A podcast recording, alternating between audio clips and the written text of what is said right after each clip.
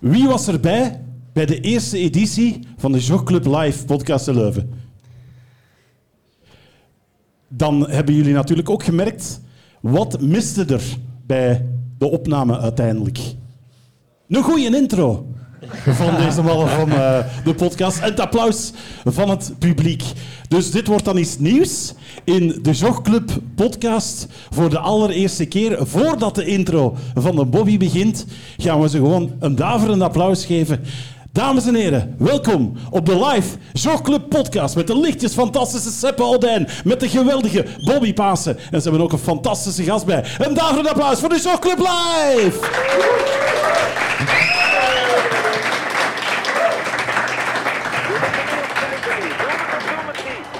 Tommeke, Tommeke, wat doe je nu? Tom Bonne gaat wereldkampioen worden. Hij rijdt 5 per uur. Te snel voor ons. Stay on your fight! Fred Kaap. En nog Fred. Jeff Doen is hier. Jeff! Wat is er mis met Dumoulin? Hollands poepen. Hij heeft diarree. Don't stand on my dog or I cut your head off. Daar is hem, daar is hem. Daar is hem, daar is hem. Daar is hem inderdaad, een nieuwe aflevering van de Jogclub. Eerst en vooral Hans, merci voor de intro. Eh, vandaag een man te gast. Hij was zesde op de Ironman van Hawaii. Na zijn ongeval is hij als handbiker driemaal derde, eenmaal tweede en winst in 2006 op Hawaii. Hij finishte de Crocodile Trophy en kers, kersvers lid van de Hall of Fame. Welkom Mark Hermans. Dank u. Welkom ook Seppe. Eh, merci, Bobby. Live dus, hè. En eh, ju- juist gezwommen in uh, Hazo Winkeleer. Hoe was het? Eh, ja, ça va, ik had al lang niet meer gezwommen, dus... ehm allee, tien dagen, dat is, dat, is, dat is lang in zwemtermen, denk ik. Dus eh, eh, nee, tof. Altijd hier in zwemmen. Hoe gaat het? Ja. Ja. Eh, Mark, hoe gaat het met u? Goed. Net gehuldigd? Ja, fantastisch. Ja. Nee, nee, ik had hier samen met Rutger Beken en ehm, ja, dat is een super toffe kerel. En herinneringen opgehaald van vroeger en die waren dan vooral over na de wedstrijd. En eh, ja, altijd super fijn om hem terug te zien. Dus we hebben elkaars nummer nu uitgewisseld. Dus we zijn terug in nauw contact nu. De, de Rutger is niet zo goed in terugsturen. Eh allee, weet wat ervaring. Ja, oké. Als je een week of vijf hebt, dan... eh, Ja.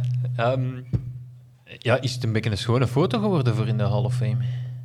Ja, ik heb ze zelf moeten doorsturen, dus eh ja, zo aan oké.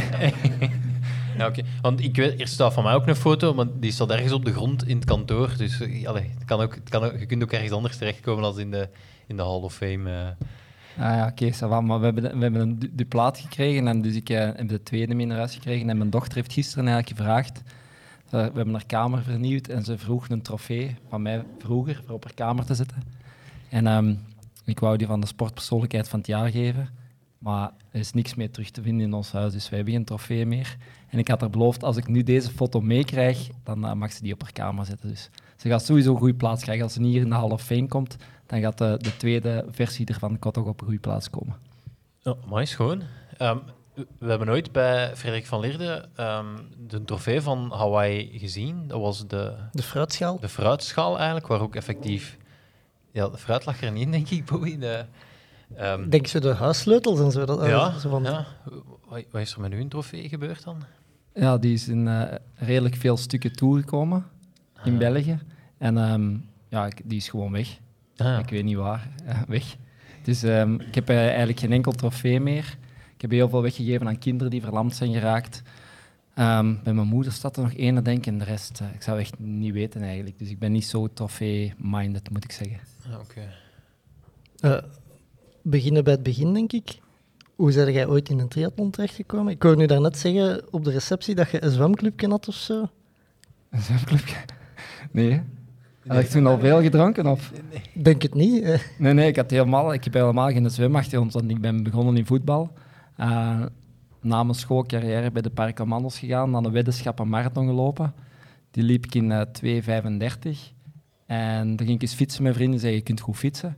En dan de eerste triathlon was in Geel. En omdat ik in de Powerman Duathlon in Nederland twaalfde was, dachten ze dat ik ook een goede triatleet was. Dus ik lag op de eerste rij met Spencer Smit en zo. Maar ik werd volledig overzwommen, 110 in het water of zo, denk ik. Maar ik werd toen wel 16e. Dus ik wist als ik aan dat zwemmen werk, dan komt het wel goed. Maar ondertussen ben ik beginnen werken in een bouw tien uur. En eh, moest ik eigenlijk voor werk gaan zwemmen, dan met de fiets naar het werk, tien uur werken in de bouw, met de fiets terug, looptraining. En dan werd ik twaalf op Belgisch kampioenschap eh, triathlon. En dan vroeg ik aan mijn ouders, ja, ik kan maar op één manier naar de top. Dat is dat ik één jaar de kans krijg om alles op alles te zetten. En toen ben ik beginnen triathlonnen en heb ik eh, de bouwwerken opzij gezet. En eh, ja, toen werd ik Belgisch kampioen en toen is een trein beginnen rollen. Dus dankzij de kans van mijn ouders eigenlijk. Ja, ja, ik wil toch even teruggaan naar die Powerman. Hoorde ik dat nu goed? Dat de eerste Powerman in Nederland? Ja, een powerman in Venray. Ja. Dan was ik eh, twaalfde dan. En eh, ja, dat was eigenlijk supergoed, want dat was mijn allereerste wedstrijd eigenlijk. Ah ja, maar je gaat, je daar ook in kunnen verder gaan, Mark. eh. Ja, ik ben nog eens één keer eh Belgisch kampioen winterduathlon geworden, denk Ah, ik. En eh één keer. Belgisch kampioen op de weg. Ja, maar triathlon is natuurlijk het summum, hè. Dat weet jij ook wel, hè. Ja, nee, dat is waar. Ja, dat is waar. ja, hoe is dat? Je zet, je, zet, je zet dan eigenlijk alles op je triathlonsport. Ehm je plaatst je denk ik in Australië voor, voor Hawaii. Australië is wel direct ver van huis voor, voor u te plaatsen. Had al niks dichter bij huis kunnen?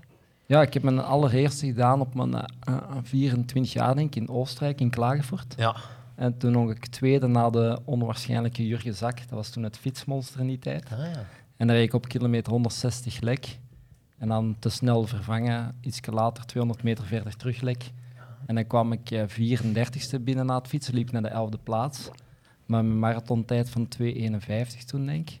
En als ik dat had gepakt en ik had op dezelfde plaats kunnen binnenkomen, had ik wellicht kunnen winnen die dag.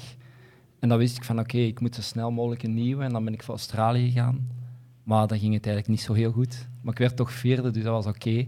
Maar nu zijn er ja, superveel Ironman-wedstrijden, maar in die tijd waren er eigenlijk zoveel niet. Dus je had ook niet heel veel opties voor je te kwalificeren. En, ja, Australië vierde was oké, maar helemaal niet zo heel goed. Maar wel een kwalificatie op zak. Ja. En dan de eerste keer naar, eh, naar Hawaii. Was dat, was dat de, de droom om daar te staan? En, en was dat... Ja, ik denk, van- denk van heel veel triatleten dat dat wel een droom is. Maar ik was ook mister, zoals, net zoals Rutger Beker er straks zei, Mr. Nobody. Hè. Ik had startnummer 1116, als ik me niet vergis, of zoiets. Dus ik stond ook eh, helemaal niet bij de, bij de pro's of zo, of bij de toppers. En ehm, ik kwam elfde van de fiets. En dan iets verder zat, ehm, wie was het toen? Pieter Riet op de grond. Die had Hawaii al gewonnen. Die had krampen. Dan Spencer Smit. En kwam ik Luc Valierde tegen. En dat ging altijd beter en beter en beter. En op drie kilometer van einde liep ik samen met Lothar Leder. En dat was een toenmalige wereldrecordhouder. En ik kwam een auto naast gereden van NBC. En die riep naar Lothar Leder, Lothar, you still can win this race because the guys in front are dying. En op die moment riep Lothar Leder terug, en dat zal ik me altijd herinneren, and I'm already dead. En voor mij was dat een goed teken, want de wereldrecordhouder was dood. De jongens voor mij waren aan het sterven. En dat was voor mij het signaal om te zeggen, oké, alles nu naar voren. En dan kwam ik bij nummer vier, en dan bij nummer drie. En dan, ik denk op kilometer van het einde, is het licht helemaal uitgegaan. En eh, ik denk ook dat ik weet hoe dat komt, want mijn slechte onderdeel in Ironman is er in vier onderdelen, ook de voeding. En ik had altijd superveel last van mijn maag. En ehm, ik had eh, er niks beter op gevonden dan tijdens fietsen diverse motiliums te pakken. Want een mooie film ligt op je maag. En eh, ik nam dus eigenlijk ook niks niet meer op. En het is ermee dat ik eigenlijk op het einde helemaal ingestort ben en teruggeballen naar plaats 6. Maar toen wist ik wel van als ik die fouten niet meer maak en volgend jaar een jaar sterker, dan is dit wel de wedstrijd die me supergoed ligt. Ja. En de warmte was geen probleem? De, de, de, de- je, je had daar geen schrik van? Of, eh? Nee, ik heb eigenlijk vroeger in aanloop naar de parkcommando's echt extreem getraind. In de zomer reed ik met regenvestjes en zo naar, de, naar het werk. En ehm, ja, in de winter deed ik vesten aan. Echt zo, eh, ja, zo extreem mogelijk. En ja, vroeger was dat absurd en nu nog meer absurd, maar dat heeft me wel gemaakt tot wie ik ben, denk ik. Dus ehm, dat lag me eigenlijk supergoed, die wedstrijd, omdat het zo extreem was. Ja. ja. Ik las in een interview dat Rocky, dat je u, u daar wel aan spiegelde. En ja, ik vind zelf ook dat een, een training een bepaald Rocky-gehalte moet be- bezitten om, om, een, om een toffe training te zijn. Dus allee, ik heb ook nog wel mijn regenjasjes op de rollen gereden. Eh, ik heb er zelfs één doen ontploffen. Allee, dat, dat, dat helemaal opengescheurd was, omdat het eh, ja, helemaal kapot verdampt was waarschijnlijk. Ehm, dus daar kan, kan ik me wel iets eh, bij voorstellen. Ja. Ja, het is zo. Het is, ehm, ja. Ik vond het altijd tof die film om te zien, de underdog-positie, dat je dan toch heel ver kunt geraken. En in school was ik echt wel een underdog. En ik heb nog in een periode op school geweest, in de lagere school, dat de, de slimme kinderen kregen snoep. En de minder slimme, om het woord om niet te gebruiken, kregen de platte hand. En ik zat altijd met brio in de tweede groep. En ik had altijd zoiets van vroeg of laat zal ik bewijzen dat ik ook iets waard ben. En elk kindje heeft zijn eigen kroon. En ik ben niet, eh, geen professor, maar ik ga vroeg of laat wel bewijzen dat ik iets kan. Ja. En dat heeft me wel, ja, dat heeft de film Rocky me nog wel in gesterkt dat je met keihard knokken uit onderdogpositie toch wel ergens kunt geraken. Ja. En ook scherp van school gekomen dan. Ja. Ja, scherp van school gekomen, ja, absoluut. Met, met heel slechte resultaten, maar wel met levenslessen. Eh, na uw, uw zesde plaats in Hawaii, begin je dan te trainen met het idee van ik ga er nu alles aan doen om volgend jaar eh, alles en iedereen hier weg te blazen? Of? Ja, dat, is moeilijk om dat nu te zeggen, want achteraf kun je altijd zeggen, maar op die moment was ik echt 100% zeker, ik kom terug en win. En ik was dan op trainingskamp geweest, begin januari, met de beste motocrossers ter wereld, met Michel Pichon, Joël Smets, Kevin Strijbos. Supergoed, twee dagen later naar Lanzarote. En daar deed ik trainingen die ik nooit eerder kon. En ik was altijd op pad met Dirk van Gossem. En die zei van, ja, als je deze lijn verder trekt, dan, ja, dan gaat er niks aan u te doen zijn.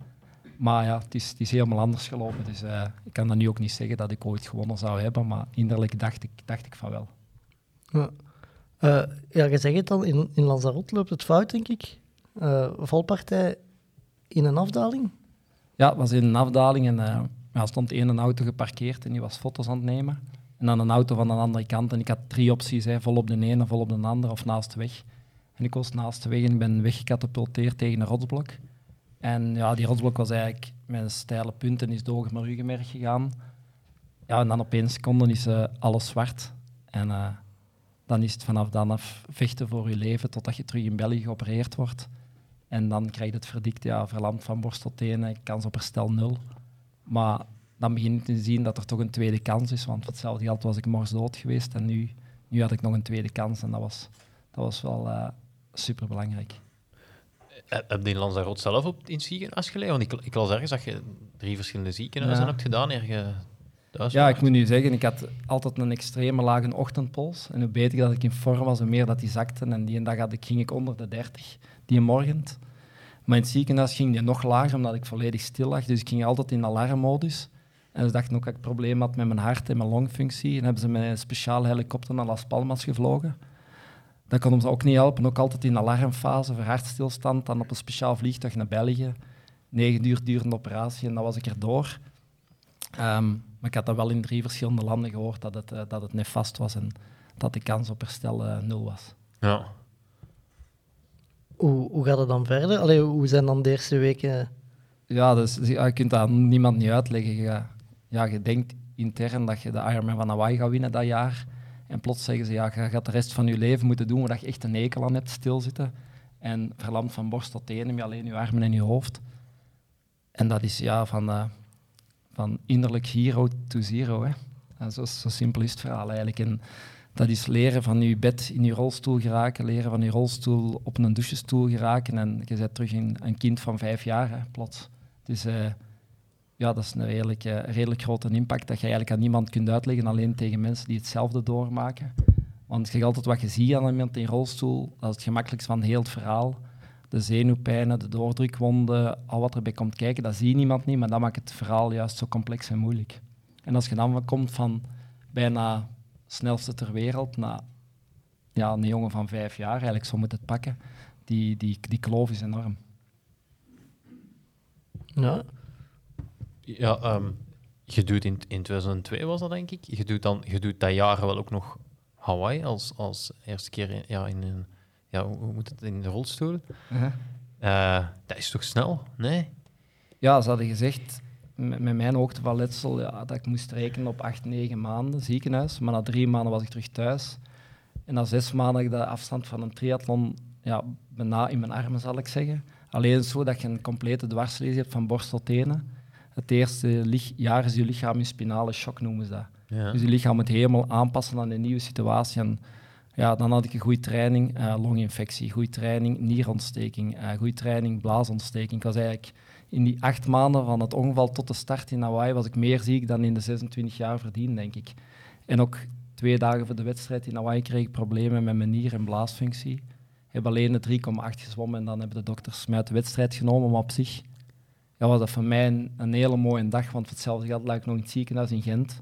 En nu was ik terug bij mijn, eh, met mijn triathlonfamilie. En zoals iedereen weet, en elke atleet weet dat hier ook, eh, de weg naar uw doelen is altijd stap voor stap. En eh, dat was een eerste stap om terug Hawaii te kunnen winnen. Ja. Wa- Was dat dan tof om daar te komen? Ik kan me ook inbeelden dat dat heel confronterend is als dat je grote droom was. En je komt er dan wel terug en Ja, dat is confronterend, maar ik was inmiddels eh, ja, 27 zeker. En eh, ik heb al zoveel mensen in mijn leven verloren die geen tweede kans hebben gekregen. En dat is constant balanceren. Dus je zit daar en ziet dat Thomas Hellery gelopen. En je denkt van ja, die had ik eigenlijk moeten kloppen. Dan zie je weer een ander lopen met een afgetraind lichaam. En zelf zie je benen, je spieren in je benen verdwijnen als sneeuw over de zon. Je sixpack verdwijnt als sneeuw over de zon. En dan kun je in de hoek kruipen ehm, van de slachtoffer en zeggen van ja, arme ik. Ofwel zeggen van oké, ik ben er tenminste nog. Ik heb een tweede kans, ik kan mijn armen nog gebruiken. Ik kan nog van mijn doel gaan. Dus ehm, niet klagen en, en, en genieten. Maar dat is wel balanceren. Dat is gemakkelijker gezegd dan gedaan. Dat is echt een, eh, een tweestrijd in je hoofd. En soms zie je zo'n filmpje van eh, een engeltje hier, dat is het en een tuiveltje hier. En ja, op zo'n moment is dat ook effectief. Zo naar wie ga ik hier luisteren? Hè? Ben ik het slachtoffer of ben ik eh, de jongen die nog geluk heeft dat een triathlon kan doen? Ja. Ja, ik, heb zelf in het begin van het jaar meegedaan aan de Container Cup. Ik dacht, ik ga eens wat armoefeningen doen. Ik ga eens eh, mijn armen beginnen trainen. Eh, ik dacht, als triatleet, ik zwem toch af en toe savan nog. Dat viel wel lelijk tegen. Kwestie van, mijn armen waren precies heel de dag gewoon opgeblazen en, en dat ging toch niet zo vlot. Ehm, hoe was dat voor u om ineens alles dan met uw armen kracht te gaan doen? Ja, dat viel wel mee, want ik ben nooit niet de, de perfecte triatleet geweest. Ik zat ook in de winter heel dikwijls in de krachthonk en dan wedstrijdjes doen tegen de mannen dat altijd in de krachthonk zitten. En dan bij de paras ook altijd in de close combat sessies en zo de, de grootste en de sterkste willen zijn, weet je wel. Ja. Dus eh, dat, dat viel allemaal wel mee. En wonder boven wonder heb ik in al die jaren dat ik triathlon heb gedaan na mijn ongeval nooit een armblessure gehad of zo. En misschien komt dat ook door al die jaren zo gevarieerd te trainen. Heb je ook aan rotsklimmen en zo. Dus ik denk dat door de vele variaties dat dat op zich nog wel meeviel. Ja. Eh, Vonden dat dan, vonden dat dan, eh, was dat dan eens iets anders? Of hoe, hoe was dat dan om dat dan Nee, allemaal je nee. armen te doen? Of? Nee, nee, ik heb het altijd tegen mezelf gezegd, als ik Hawaii win, dan stop ik. Want ehm, de handbike is van nog, maar die sportrolstoel, ja, je zit zo heel raar in die sportrolstoel. En ik zit mee gefixeerd met twee ijzeren baren van in mijn hals tot halverwege mijn rug. En in Hawaii vooral moeten ze echt vooruit kijken. En ja, ik had echt altijd super veel last van achter aan mijn schedel, omdat dat tegen die ijzeren baren drukte. En voor mij was het een verlossing. En ik wist van, als ik ooit Hawaii win, ah, dan stopt deze ellende. En het verschil met voortong, wat het allerliefst wat ik deed, was lopen. En in de plaats kwam dat wielen en daar had ik echt, echt een hekel aan. En vandaar dat ik wist van, als ik ooit Hawaii win, dan, dan stop ik. Ja, is gelukt. Ja, gelukkig. Ja, Dat was ik nog bezig. Ja, ja, het is nog wel een lange strijd geweest om Hawaii dan te winnen. Een paar keer derde, eh, een keer tweede als ik me niet vergis. Ja, weet, weet wat het grootste verschil is? In de Paralympics hebben ze zo allemaal verschillende categorieën waar je goud kunt halen. Ehm, en dat is ook eerlijk, uiteraard. Maar in Hawaii is dat de handcycle division. Dus of je nu één onderbeen kwijtspeelt of verlamd van borst tot tenen, dat is dezelfde categorie, maar dat is uiteraard vechten met ongelijke wapens. Want ik heb geen buikspieren, geen onderrugspieren. Als je mij een ballon geeft en vraagt, blaas er lucht in, dat gaat niet, want mijn diafragma werkt niet meer. Maar je moet het dan opnemen tegen mannen die wel buikspieren hebben, wel onderrugspieren, die soms nog kunnen zwemmen met hun bovenbenen. Ja, dat is zo'n ongelijke strijd. Dat is, ehm, maar het- is gelukkig dan toch gelukt. En, eh, het zijn harde duels geweest tegen jongens die meer mogelijkheden hadden. Maar ja, dat is, eh, heb ook van die jongens heel veel geleerd dat, de, dat een tegenstander in de sport eigenlijk al, uw allerbeste motivator is. Want als je die mannen niet hebt, kun je eigenlijk nooit naar een niveau pushen waar dat je niet van wist dat je het had. Dus ehm, heel leerrijk geweest, heel hard afgezien, maar eh, dankbaar van mijn concurrenten die me naar dat niveau hebben kunnen pushen. was ontlading dan groot als je, als je het uiteindelijk wint? Nee, nee, echt niet. Nee. Nee, ik heb zo gedaan en dan ben ik beginnen schreeuwen van ellende, denk ik. En dan lag ik aan het infuus. En een dag later was ik smoorziek. En twee dagen later nog, drie dagen, en dan zie ik op de vlieger. En dan thuis nog wat bekomen en dan, ja, dat was het eigenlijk. Ja, ja ik, ik had mij niets mooier geraden of zo in je beeld. Nee. dat was echt niet. En, eh, en Kim Gewaard en zo was er en iedereen was aan het feesten. En ik, ja, ik voelde me echt super ellendig. Ik heb, eh, ja, het was tegen Aikin Eljong die dag in 2006 en de jongen was zijn twee onderbenen kwijt. Die had twee keer goud op de Paralympics. En ja, dat was zo hard knokken. En ik wist van als ik hier nu weer tweede word, moet ik hier volgend jaar terugstaan. En eh, ik zei ja, echt alles geven. En ja, ik was blij dat ik over de finish kwam. Ik heb nog dat kunnen doen en dan, dan is de ellende begonnen eigenlijk. Ja. Amai. Tof, hè? Ja. Eh, na Hawaii werkte verder uw bucketlist af. Eh Crocodile Trophy. Ja. Uh-huh. Wat kun je daarover zeggen? Want dat lijkt me eigenlijk nog verschrikkelijker als... Allee, dat is off-road. Ja, dat heeft eigenlijk iedereen mij afgeraden en iedereen had eigenlijk 100% gelijk. Dat was eh 1400 kilometer op 10 dagen in de outback van Australië. En we hebben die temperatuur gehad de laatste zomer van 40 en meer. Dat was elke dag van dat. En eh, ik zat zojuist boven de grond, dus ja, constant al die warmte. En twee essentiële dingen van mensen met een dwarslesie, is hygiëne en medische bijstand. En dat waren twee dingen die er niet aanwezig waren. Er was wel een dokter, maar die was altijd al zat tegen dat ik toe kwam. dus eh, die eerste die kwamen na vier uur toe en ik na tien uur of elf uur of twaalf uur. En ik weet nog goed dat hij mij ooit eens met zijn zatte botten een infuus heeft gestoken. Ja, en dat bloed, dat spot echt naar alle kanten. En dan in the middle of nowhere in de outback van Australië. Dus heb ik echt gedacht van al die mensen die me dit hebben afgeraden, die hebben zo onwaarschijnlijk gelijk gehad. Maar ik dan wel na tien dagen meer dan do dood, dood aan levend over de finish gereden. En uh, dat heeft super lang geduurd. Ik ben thuisgekomen. Ik heb uh, angststoornis gekregen. Um, hartkloppingen, al wat je wilt. En uh, dan wist ik ook dat het tijd was om te zeggen, want het is tijd om te stoppen met dit soort dingen, want ik wil vroeg of laat nog papa worden. En als ik bezig blijf met dit soort dingen, dan gaat dat er nooit niet van komen, want vroeg of laat loopt dat fout af. Dus um, dat was ook het zijn om te zeggen, ik, uh, ik stop ermee. Maar hoe waren op dat idee gekomen, voor die Crocodile Trophy? Ja, ik had eigenlijk drie dromen voor me ongevallen en die waren super duidelijk. Hawaii winnen, Crocodile Trophy en papa worden. En dat ongeval had mijn leven veranderd, maar dat mocht niet mijn dromen breken. Dus ik denk van, ik ga dat toch doen. Ik ga toch Hawaii nog winnen, ik doe toch de Crocodile Trophy. En ik word uh, vader. En uh, als je die mannen contacteert, die organisatie, staan die daar direct voor open? Nee, nee, dat weet ik nog heel goed. Ik heb die gebeld en uh, dat was uh, Gerard Schoonbacher. En ik vertelde hem en hij zei van ja, maar ik heb nu veel meegemaakt, waarschijnlijk al veel controles gehad, maar heb jij ook dat zijn hersens kan laten nemen. en dat, dat wou natuurlijk al veel zeggen. En ja, ik, ik, dat was zo'n gevecht tegen het ongeval dat dat niet mijn dromen mocht breken, dat ik het toch heb gedaan. Maar um, ja, het had sowieso fataal kunnen aflopen, maar het heeft ook serieus impact gehad op heel mijn lichaam. Ja, die, vooral die angststoornissen, dat was, uh, ja, dat was geen fijn jaar nadien, moet ik zeggen. Kwam dat dan van die extreme inspanning echt? Of, of uh, gewoon van, van de, de, angst dat je daar hebt gehad? Van... Ja, ik had uh, op een gegeven moment echt angst, omdat we zijn ook nog vijf dagen gebleven. We gingen de Great Barrier Reef en zo bezoeken, maar ik heb constant op mijn bed gelegen. Elke keer dat ik recht kwam zitten, viel ik flauw. Ik heb heel de vlucht van de stewardessen op de grond mogen liggen, omdat ik constant van mezelf ging. En ja, ik was eigenlijk, ja, ik ben niet dikwijls bang, maar ik was echt bang om te sterven. Ja. En, uh, ik heb nadien een hartklopping gekregen en ik heb bijvoorbeeld eens naar een lezing gereden in Utrecht. En ik pakte een afrit en ik zeg, ja, ik ga dat niet doen, want ik ga sterven. En dat is heel raar. En ik heb gewoon een afrit gepakt, ben terug naar huis gereden. En die zaal zat daar te wachten, maar dat is gewoon, ja, ook iets dat je niet kunt uitleggen. Dat is iets in je hersenen van de angst om te sterven en je krijgt hartkloppingen en kun je me ademhalen. En um, ja, dat was een, uh, ook een cadeau dat ik mee heb gekregen uit Australië. En ik ben blij dat dat allemaal terug in orde is gekomen, maar dat is wel een, uh, een boodschap dat ik wil meegeven aan de jongeren, dat ze nooit niet uh, ten koste van alles voor hun droom moeten gaan, dat gezondheid toch nog primair is boven alles. En bij mij is dat niet altijd het geval geweest. Ja, maar uw, bucketlist is wel afgewerkt. Ja, ja, absoluut. Ja. En het laatste was het mooiste, hè? vader van drie kinderen, dat is het tofste wat er is. En uh, ja, het is, goed geweest. En ik zeg altijd als ik een lezing ga geven, het leven is zoals een kaartspel. In mijn kaartspel is gespeeld, al mijn dromen zijn uitgekomen. En elke dag vanaf nu is nog een geschenk.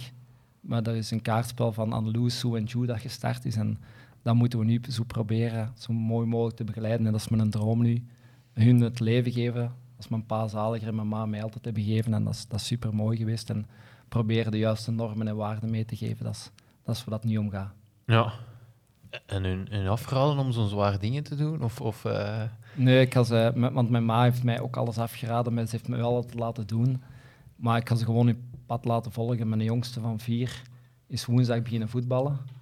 En ik ben zijn coach, want ze hadden trainers te weinig. Dus ik ben voetbalcoach sinds deze week. en eh, ik ga ze perfect kunnen uitleggen hoe ze tegen een bal moeten trappen. Maar moet ik zo over nadenken hoe ik dat allemaal moet gaan doen. en eh, mijn dochters, die, ja, dat is ballet en breakdance en hip-hop en ik weet niet, alle dansdingen die je maar kunt inbeelden. En als ze daar gelukkig mee zijn, is dat perfect. ja. Eh, ik wil wel nog even terug naar uw voorbereiding op de Crocodile Trophy.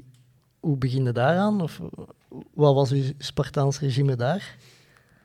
Ja, ik had een boshandbike en ehm, ja, ik ging gewoon keihard fietsen. Uren en uren aan een stuk. En eh, wij hebben een militair domein in Westwezel.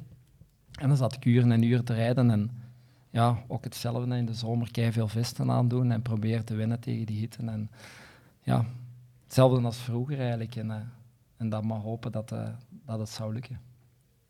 In een boshandbike, wat, wat houdt is dat? Ja, dat is zoals een, een mountainbike, maar dan een handbike met dikke wielen en toppen. En, eh, hetzelfde eigenlijk, maar dan in handbike vorm. Ja. Eh, Is, heb je, je daar veel keuze in? Heb je- is dat... Is dat... Nu, nu meer en meer, maar toen was dat eigenlijk eh, een verschrikkelijk model. Had heel veel woog, maar nu heb je heel veel variatie en je hebt zelfs elektrische en zo nu. Maar ja, dat is, dat is toen eh, roeien met de riemen die we hadden. Ik heb hem nog steeds trouwens, ik rij nog elke dag met een hond naar het bos met diezelfde handbike. Ja, ja. Dat hoe, hoe grief dan? Dat, dat zo lang Ja, ik heb wel een paar Dat- keer gelast en zo door mijn schoonbroers. Hè, dus Ah ja. Het is, het is nostalgie. We hebben ook met die handbike een paar keer er maar van toe opgereden en zo. En ik heb zo in die handvaten dat allemaal zo wat gegraveerd, zo met een steen. Old school. En ja, veel, veel mooie herinneringen en ik kan hem, ik kan hem niet wegdoen, denk ik. Ja, dat is wel mooier als, als uw trofees dat, je- dat kwijt Ja, trofees zijn gewoon met een steen ingegraveerd wat er allemaal gebeurd is. Dat is tof. Ja. Ehm, nog iets anders dat je gedaan hebt? Ehm, naar Amerika getrokken voor El Capitan te beklimmen?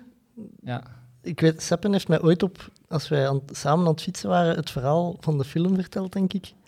Ehm, en sindsdien ben ik op zoek gegaan naar die film. Ik heb die ondertussen ook gevonden. Ik ben nu nog op zoek naar een dvd-speler voor die in af te spelen. Eh, maar kun je daar eens het verhaal van vertellen? Hoe komt op dat idee? ja ik, ik deed veel aan rotsklimmen. En ehm, na school zijn we naar Amerika getrokken. We hebben heel veel gaan klimmen daar. En plots stonden we voor El Capitan. En we zeiden, ja, we gaan dat doen. In ons jong enthousiasme, maar we hadden absoluut niet genoeg materiaal bij. En dan zeiden we van, oh, vroeg of laat komen we terug met het juiste materiaal. En dan na de Ironman van Lanzarote in 2006 stond hij voor mijn deur. En eh, ik hoorde mijn moeder een beetje licht hysterisch worden. En eh, ja, ik ga dat toch niet doen. Ik zeg, ja, ik ga het toch doen. Maar dan hebben we een zitje laten maken op heel korte termijn. En ik denk dat we twee maanden later op de vlieger zaten, zijn we begonnen. En na één dag zaten we op 300 meter, perfect op de juiste hoogte, want we gingen in vier dagen naar boven. Maar dan kreeg ik heel veel, lus- eh, heel veel last van mijn dwarslesie hier. Ehm, omdat ik constant op mijn arm moest trekken en die kracht kwam altijd op mijn dwarslesie.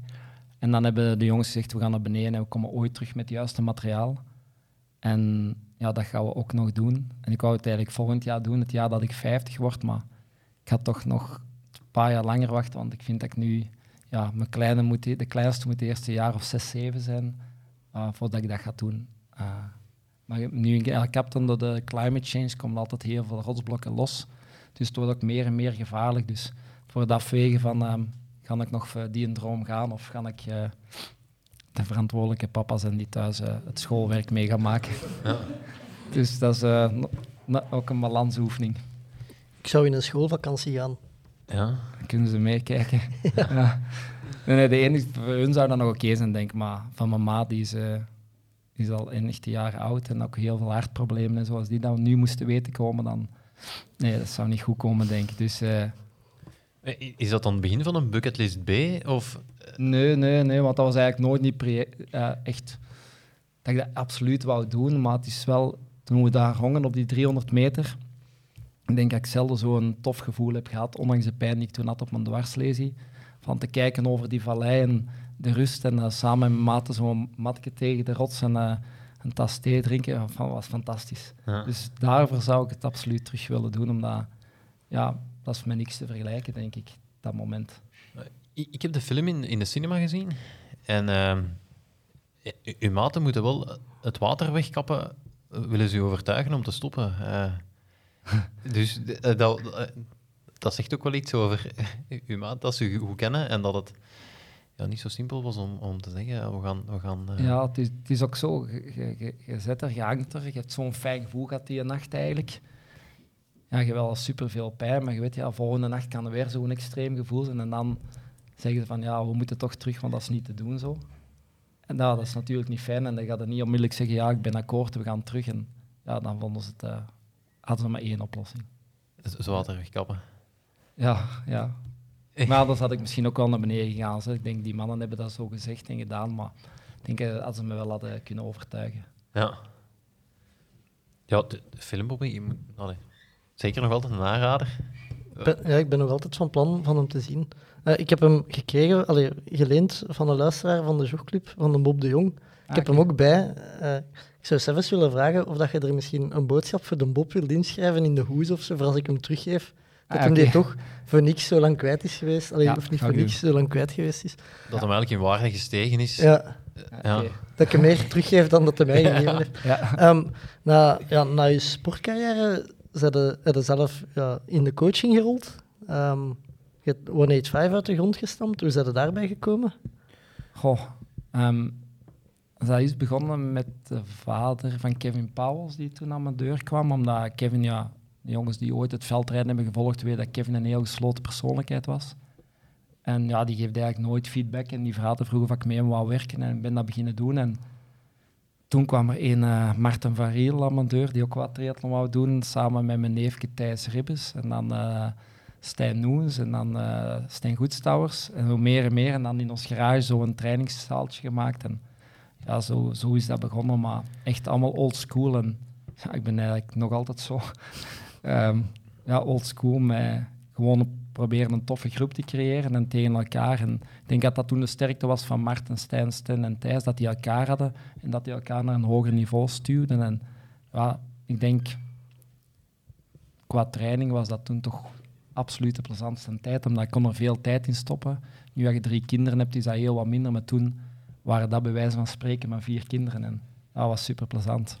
En liet jij die dan ook zo met hun vier uh, in een regenjas op de roller rijden in uw garage of zo? Of? Nee, nee, ja. maar ze hebben wel bijvoorbeeld moeten sprinten in het zwembad met een, uh, met een thermovest aan. En uh, van die dingen allemaal, ja, pompen en dan met een thermovest in het water springen en spurten. En uh, ja, dat allemaal wel, ja. ja. Zalig. Ja.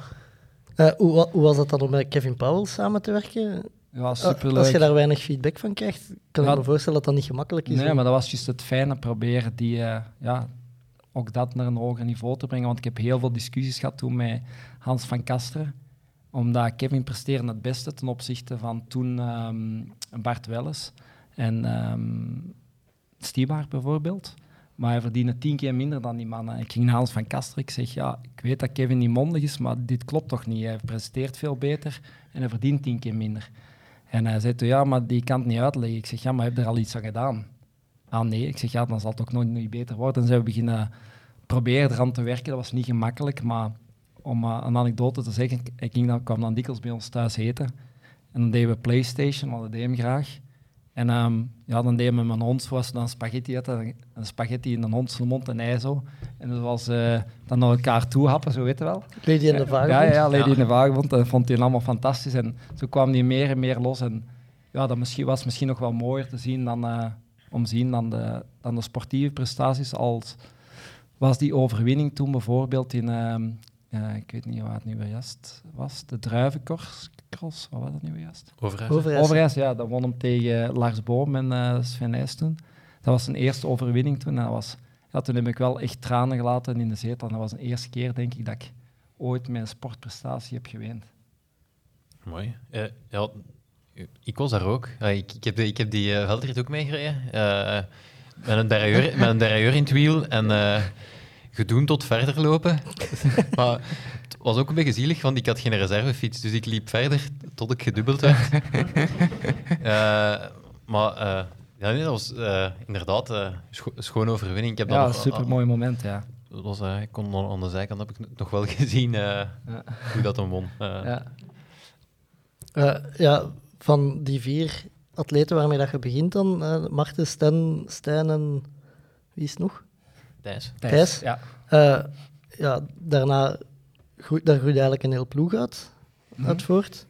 Ja, ja die deden het toen echt supergoed. En dan, dan Thijs is langzaam maar zeker door... Ja, die was nogal blessuregevoelig, net zoals zijn pa. En die is zo wat in de, de bouw gerold. En ja, die doet dat op een fantastische manier. En de Stijn Noens heeft nog een paar wedstrijden gedaan de laatste jaren. Maar die eh, doet in het leger fantastisch werk.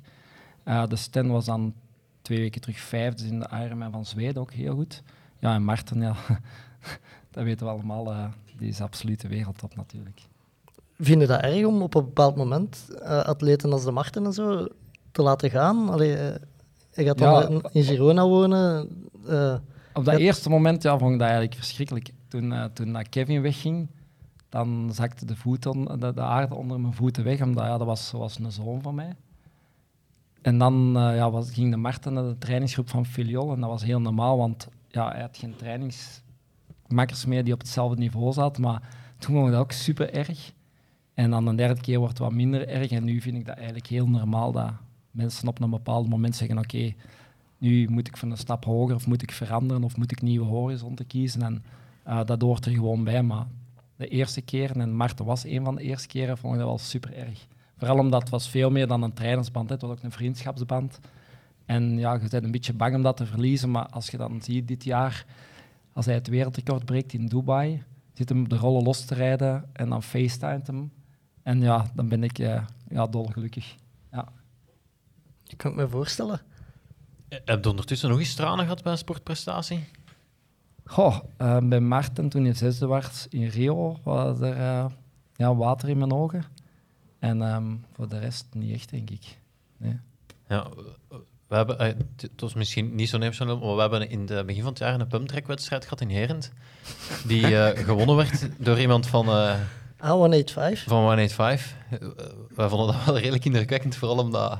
Ja, Bobby, jij wordt iets behendiger op de pumptrack, maar ik denk dat wij toch nog... Zeven seconden trager op. Ah, dan Didi. Ja, Ja, Ja, oké, ja. Ja, Oh, die van Tichel. Ja. Ja. ja, die mannen zijn super explosief, hè. kei toffe gast. En, maar ook in die sport, ja, dat is nog veel tristiger dan de triathlonsport. Die mannen verdienen helemaal niks.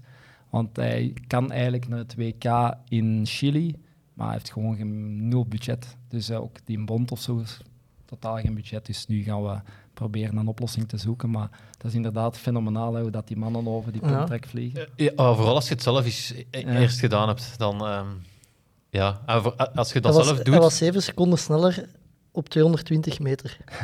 Ja. en wij, wa- wij hadden toch ook al wat uren... eh, wij waren ook niet dat we de eerste keer erop reden of zo, dus Ja. dat was eh, indrukwekkend. En hoe, hoe gaat het aanpakken om, om hem in Chili te krijgen? Ehm, ja, geld zoeken bij de sponsors. Hè. Ja. Ja.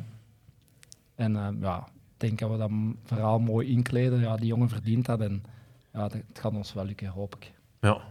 Wanneer is het in Chili? Goh, volgende maand of zo, denk ik. Of min twee maanden. ik weet niet.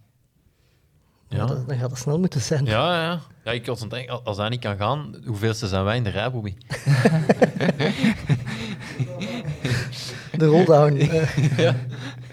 Eh, maar je kunt wel, eh, als je een qualifier meedoet en je eindigt eerste, denk ik, op een Red Bull qualifier, dan betaalt Red Bull de reis terug, denk ik. Ja, ehm, dan Ja. zou wij zou Red Bull eigenlijk kunnen betalen, denk ik. Want hij had gewonnen, toch?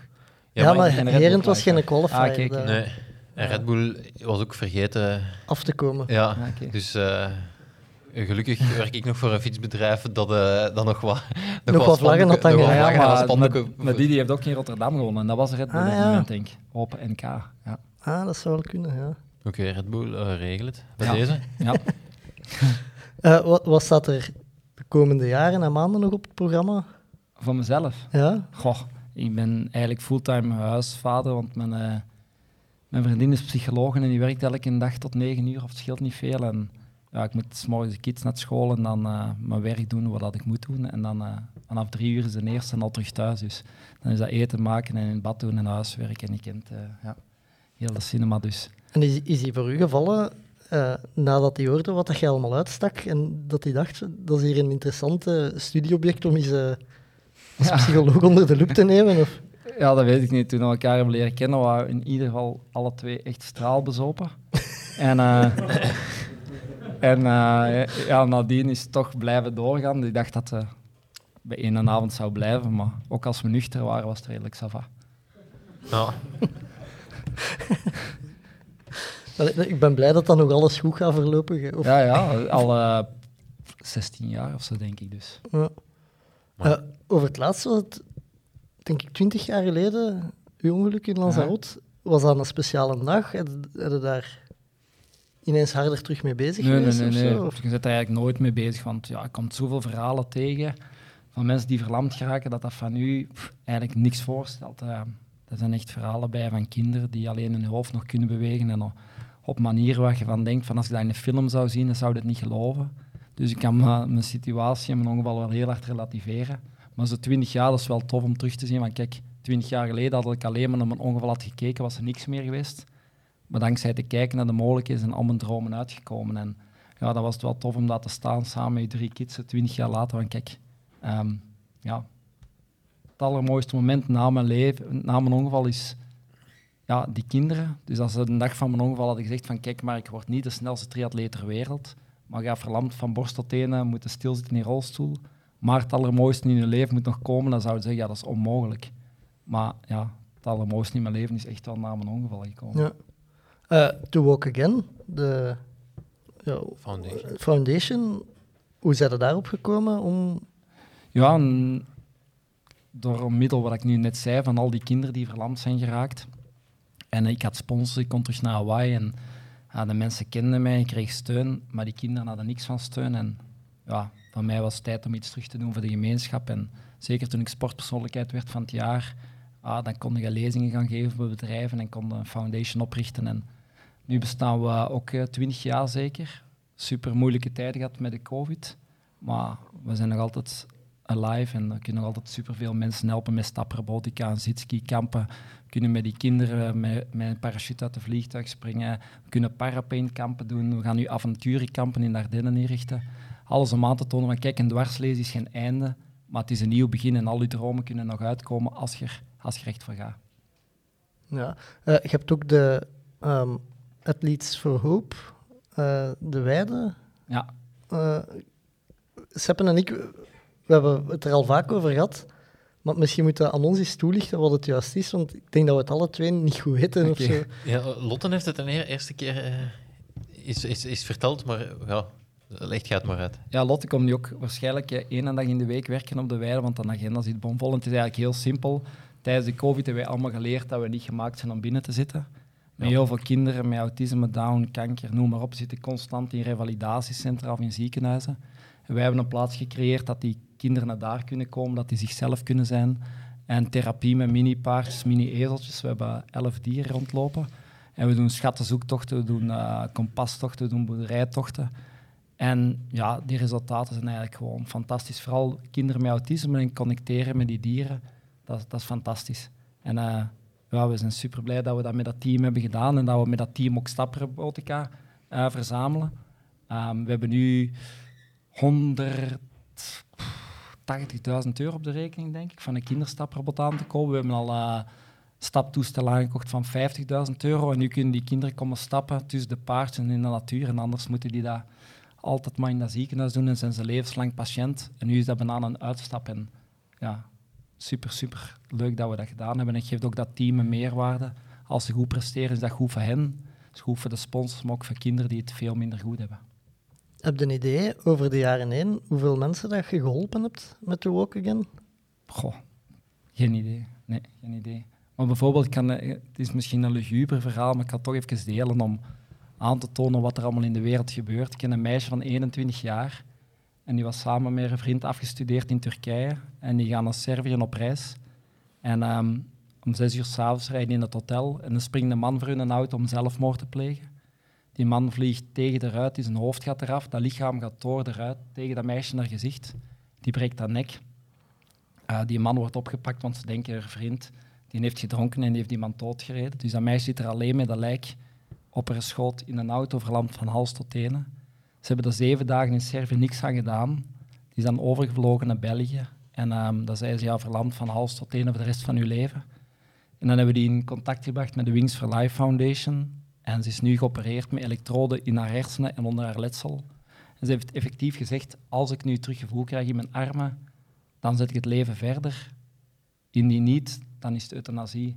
Dat zijn zo van die verhalen die sportmensen en de sportwereld en de triatleet komt er bijna zelden of nooit tegen. Maar bij mij is dat na weekelijke kost dat je van die verhalen binnenkrijgt waar je van denkt van, ja, dat kun je bijna niet geloven als je dat in een film ziet, dat dat echt zou kunnen gebeuren. Maar er gebeuren zoveel verschrikkelijke dingen en met walking en met de revalidatieweide kunnen we echt wel een verschil maken, denk ik. En dat doen we ook wel. En al is dat voor één persoon, dan is dat al de moeite waard geweest. En als de Wings for Life Foundation nu dat meisje kan helpen, is dat voor haar echt wel het verschil tussen leven en dood. En ja, dat is, dat is veel meer waard dan wel zo snel mogelijk van punt A naar punt B. Dus dat plaatst dingen wel in perspectief. Ja, Ja, absoluut. Ik denk dat iedereen er stil van wordt. Ja. Eh, Ik zou toch nog wel even willen ehm, waarschuwen dat je in die wedden best geen Shetland pony zet. Want eh, we hebben eens een gehad die ontsnapte en dat was toch... Allee, die, die beet echt wel. Allee, dat was, wij kwamen die tegen en we dachten, we gaan op de selfie gaan met een kleine pony. Maar die, ehm, die beet echt wel richting kruis. Dus Ja, dat, allee, die- dat was... Die, die voelen nou wat voor mens dat je hè. Ja, ja, influencers moeten ze niet echt van hebben, Nee, nee, nee, waarschijnlijk. Nee. ja. Eh Seppe, voor de rest nog vragen voor Mark? Ah, ik heb ook iets mee om te tekenen. Ik heb eh, Flamingo, de, de, Een boek. de boek, Hm. die ik aan mijn kinderen al eens heb voorgelezen. Dus eh, ook, ook voor, iedereen een aanrader eigenlijk. Het, eh, om aan uw kinderen uit te leggen wat er... Wat er ja, wel, uw, uw verhaal eigenlijk. Hè. Ja, mijn verhaal niet echt eigenlijk een verhaal van duizenden mensen op deze Ja. planeet dat aan tegenslag geen einde hoeft te zijn, maar dat dat een nieuw begin kan zijn. Dus ja, ge- die boek is al vertaald in ah, of, eh, op de markt in negen verschillende landen of zo. Dus ja, dat is super tof. Maar ik, mijn rol was maar super klein. Dat de schrijfster en de meisje die die tekening heeft gemaakt, die heeft fantastisch werk geleverd. En de boodschap komt blijkbaar toe bij de kinderen. Dus dat is het belangrijkste. Ja, absoluut. Eh, Mark, nog dingen dat je kwijt wilt aan het publiek? Of eh, de mensen Nee, nee. die luisteren We thuis? zijn al 56 minuten bezig. Nee, het stond al 10 minuten op. Ah, Oké, eh, oké, oké. eh, Nee, nee, nee, nee. Het, is, eh, was super, super leuk. En, eh, ja. wat mogen we nog toewensen? Boah, gezondheid, denk ik, dat is het allerbelangrijkste. En, eh, het, is, eh, het is al goed geweest.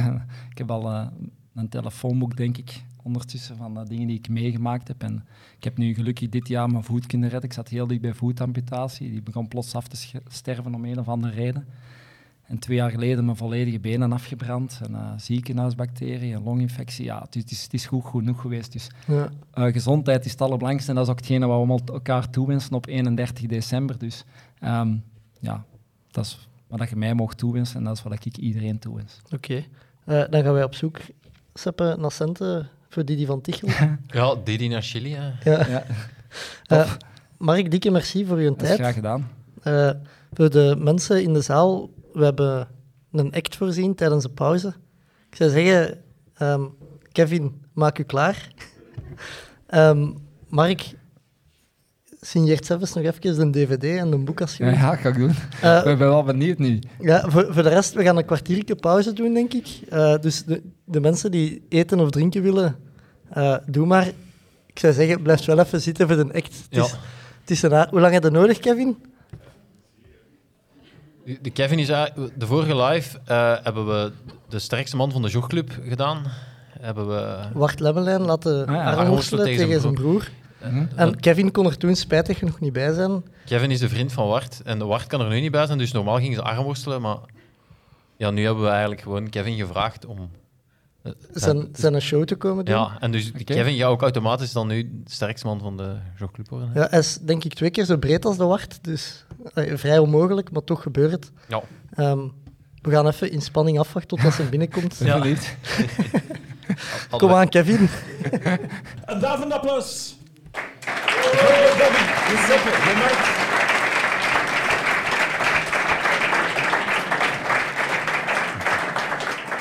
Eh, nog En, even. en zoals ze zeggen bij Mosselen om half twee, pauze!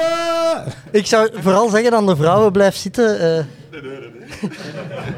Kom aan, Kevin. Ziet er goed uit.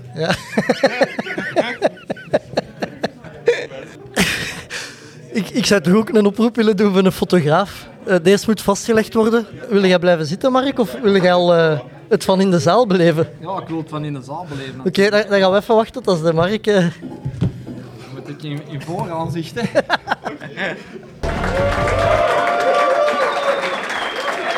Merci, merci Kevin. Ehm, m- misschien moet even... Ik heb een paar vraagjes voor u. Ja, laten we een brug aan doen, hè. Welk? Nee, ehm, Laten we een brug aan doen, hè. ah ja, doe dat. Maar gewoon even... ehm, je staat nu nog niet op je droogste, denk ik. Nee, nee, ik ben nog drie maanden. Nog drie maanden. Hoeveel gaat er dan nog vanaf? Maar in kilo's. Goeie 6, 7 kilo nog. En hoeveel weeg je nu? 115. Dus je gaat naar 108. Zoiets was vorig jaar, dus misschien iets meer.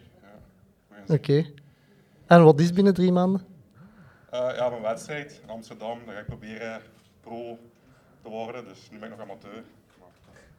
Oké, eh, geeft hem een daverend applaus.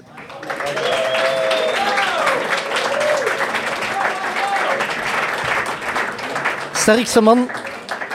Willebroek, we zijn terug met de Jogclub live podcast. Geef ze nog een daverend applaus mee. Sepp Odijn, Bobby Pasen en zo dadelijk horen we wie hun gast is. Applaus! Merci Jans. Ehm, onze tweede gast, ik zal het kort houden, de nieuwe sporttechnisch directeur van eh, Triathlon Vlaanderen. Welkom Timo Rio. Dank u. Seppe, ook terug welkom na de pauze. Ja, merci. Eh, Tim al is, is de gast geweest Ja. bij Nee. ons. Eh, toen zaten we in een materiaalkot in eh, Halle. Huizingen, Huizingen. Huizing, oh, excuseer. Hebben we nu een, een upgrade gedaan? Zitten we iets beter? Ja, we zijn al niet met drie. We hebben hier een grote ruimte, dus ik denk het wel. Hè. Ja, ja inderdaad. Ehm, ja, wel- wel- welkom ook bij de triathlon. En, ja, ik, vroeger was het Vlaamse triathlon en duathlon. het is nu alleen maar triathlon, dus ik zal u ook welkom heten namens de, namens de atleten. Merci. Namens de duatleten? Of? Eh, ja, ook. eh, ook ehm, Straf dat je mee op het podium mocht zitten als duatleten, Seppe. ja, ja ik, eh, ik wou eigenlijk nog beginnen met te zeggen van ja, het is straf dat ze een duatleet vragen voor de afsluiting van het open water zwemmen. Ehm, maar eh, ja, met veel plezier. Hè. Dat is de progressie in de federatie misschien. Ja. De, de hand van Tim die direct... eh, Nee, nee. Het is de Eh. hand van Simon. ja. Hoe gaat het ermee, Tim? Ja, goed, goed, goed. Eh, ik zit hier een drukke maand achter de rug eh, met alles af te ronden bij de Gymnastiekfederatie. Ehm ja, eh, goed eigenlijk, ja. Ben gelukkig. Afronden, is dat dan sleutels van uw kastje binnen doen? Nee, dat is vooral veel documenteren, dat mijn opvolger weet eh, ja, hoe en wat, zeg maar. Ehm, en ja, vooral ook eh, subsidies, eh, dossiers afwerken, beleidsplan maken. Dus eigenlijk heel wat administratieve zaken, vooral dat, ja, dat er heel veel informatie ook doorgegeven wordt. Want dat is het probleem vaak in zo'n functies, dat er heel veel informatie bij één persoon zit. Ehm, dus ik heb het geluk wel bij Gimfet dat we een heel groot team. Dus ik heb ook heel veel informatie aan collega's kunnen doorgeven die daar nog zijn. Maar ja, voor opvolgers is altijd moeilijk om... je moet altijd een beetje wegzoeken natuurlijk. Hè. Ehm, ja, sinds Seppe wou het zeggen, de laatste keer dat we u gezien hadden, is er heel veel veranderd. ja. Loop het maar eens af, Seppe. Eh, als ik het goed heb, papa geworden? Dat is het belangrijkste, ja. Ja. Ja, dan passage bij Gymvet. Ja. Ehm, eh, ja. Europees Corona. ja, corona, ja. Corona, ja. Eh, een Europees kampioen marathon die je nu Ja, ja. En dan eh, ja, de, de, de avonturen van Isaac, eh, eh, noemen wij het. Hè. Dat, dat, ook, dat, dat was toen ook al, dat is niet echt een... eh, Ja, maar die zijn nog wat groter geworden. ja, inderdaad. Ja. Ehm, nee, heel, wat, heel wat gedaan en gebeurd. Op toch niet zo'n lange tijd, denk ik. Ja, nee, maar ja, ik heb corona gehad terwijl ik mijn kas op brand fritten was, dus ik had veel energie daarna. Ja, oké. Nu ja, allee, op zich, ja, dat lijkt inderdaad veel, maar eh, ja, allee, ik ken mij al even. eh, ik ben iemand die heel graag eh, veel, eh, veel en vooral hard werkt, dus eh, voor mij is dat eigenlijk vrij eh, ja, normaal, zeg maar. Ehm, het is een beetje, eh, moet ik het zeggen, onvoorspelbaar verlopen in die zin. Toen we samen zaten, eh dan denk ik een maand of ja, een paar maanden denk ik, voor de oprichting van ons, eh, van ons team, zeg of met de professionalisering daarvan. Een maandje daarna is dan corona gekomen, dus dat was eigenlijk eh, ja, een beetje palen. En dan, eh, ja, corona is een heel zwaar jaar geweest voor mij ook als, eh, als coach. Eh, maar dan tegelijkertijd eh, een beetje een nieuwe weg opgegaan, in die zin met, met heel veel zaken gestopt.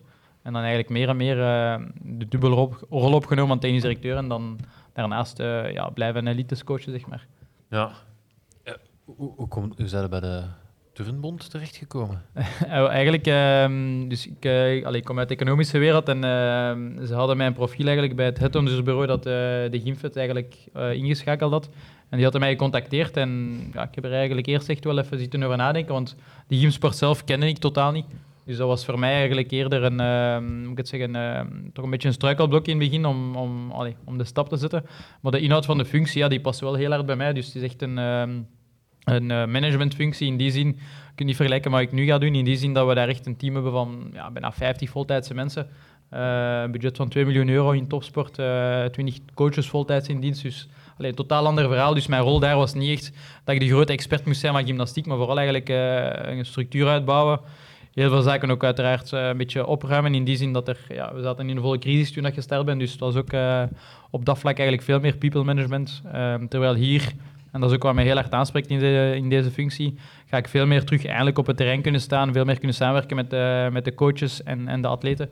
Wat ik, ja, wat ik echt wel gemist heb eh, allee, in, in die functie dan de laatste jaren. Ja. Ja, dat budget hebben wij de verkeerde sport gekozen als uh, triatleten en duatleten? Als atleet niet, denk ik. Want gymnasten verdienen helaas veel minder geld. Maar de federatie is, ja, is een totaal ander verhaal. eh.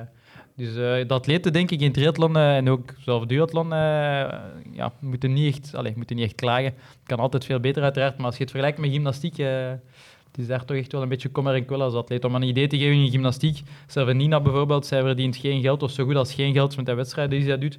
Al dat geld dat zij verdient is eerder door, eh, door contract of door sponsors nu. Maar het is niet dat zij eigenlijk van haar wedstrijden echt eh, ja, iets overhoudt. Ja, dus bijna geen prijsgeld. Nee, dus eh, startgeld bestaat eigenlijk niet. Prijzengeld ja, is eigenlijk heel beperkt. Dus het is niet als je, allee, als je ik zeg maar iets, een World Cup wint, heb je 7.000, 8.000 dollar. Als je daar, eh, ja, laat ons zeggen, een World Cup wint, dan heb je misschien 1000, 1500 euro. Als dat zoveel is. Dus, eh, dus nee, Amai. dat niet te vergelijken. Ja, je zei het al, niet in de makkelijkste omstandigheden begonnen op de Gymfet. Eh, Ik denk ja, dat crisis met de trainers was toen. eh, Ja, ja, niet enkel met de trainers. hè. Het was echt een ethische crisis, dus er waren heel veel verhalen naar boven gekomen. Dus, eh, ja, dat is dus, ik ben daar begonnen in december eh, en eigenlijk de bom is gebarsten in augustus daarvoor. Dus. Maar dat wist ik, hè, dus eh, dat was, was een deel van het verhaal. Dus eh, ja, ik wist wel waar ik aan begon. Hoe pakte dat aan, praktisch? Eh, Welk deel juist? ja, gewoon eh, als crisismanager binnenkomen. Goh, het, eerste, ja, het eerste is belangrijk volgens mij, en dat is ook hier eigenlijk een beetje wat ik gedaan heb. eh, Eerst gaan spreken vooral met de atleten en met de coaches, om ook te weten ja, wie dat het ook juist zijn. Want in de media lees je heel veel, maar ja, ook heel veel zever uiteraard. Dus eh, allee, ik denk dat het belangrijk is waar dat je ook start, dat je gewoon weet met wie dat je gaat werken. Heb ik hier ook eh, bij Triathlon hetzelfde verhaal gedaan. Eh, gewoon heel veel gaan praten met coaches en, en, eh, en atleten. Om een beetje te, ja, te zien welk vlees dat je in de kuip hebt, zeg maar. En bij de Gymfit ja, was het een, een speciale situatie in die zin dat er ook een rapport aankomend was. Dat was er toen nog niet, dat uiteindelijk in maart daarna pas uitgekomen. Dus je zit in het begin ook in een heel onzekere situatie, dat je niet goed weet, ja, wat klopt er, wat klopt er niet, je was er niet bij.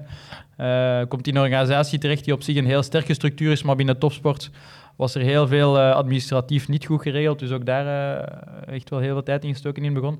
Dus eigenlijk heel veel zaken, ja, vooral eerst proberen observeren, voordat je echt je conclusies gaat trekken. Conclusies trekken zijn makkelijk, maar ja, het moet ook de juiste conclusies zijn natuurlijk. Ja. Ga je iets hebben? Eh, ja, nee, wat heb je dan, als je conclusies getrokken hebt, wat, wat waren dan de besluiten? Wat heb, wat heb, de, wat heb de...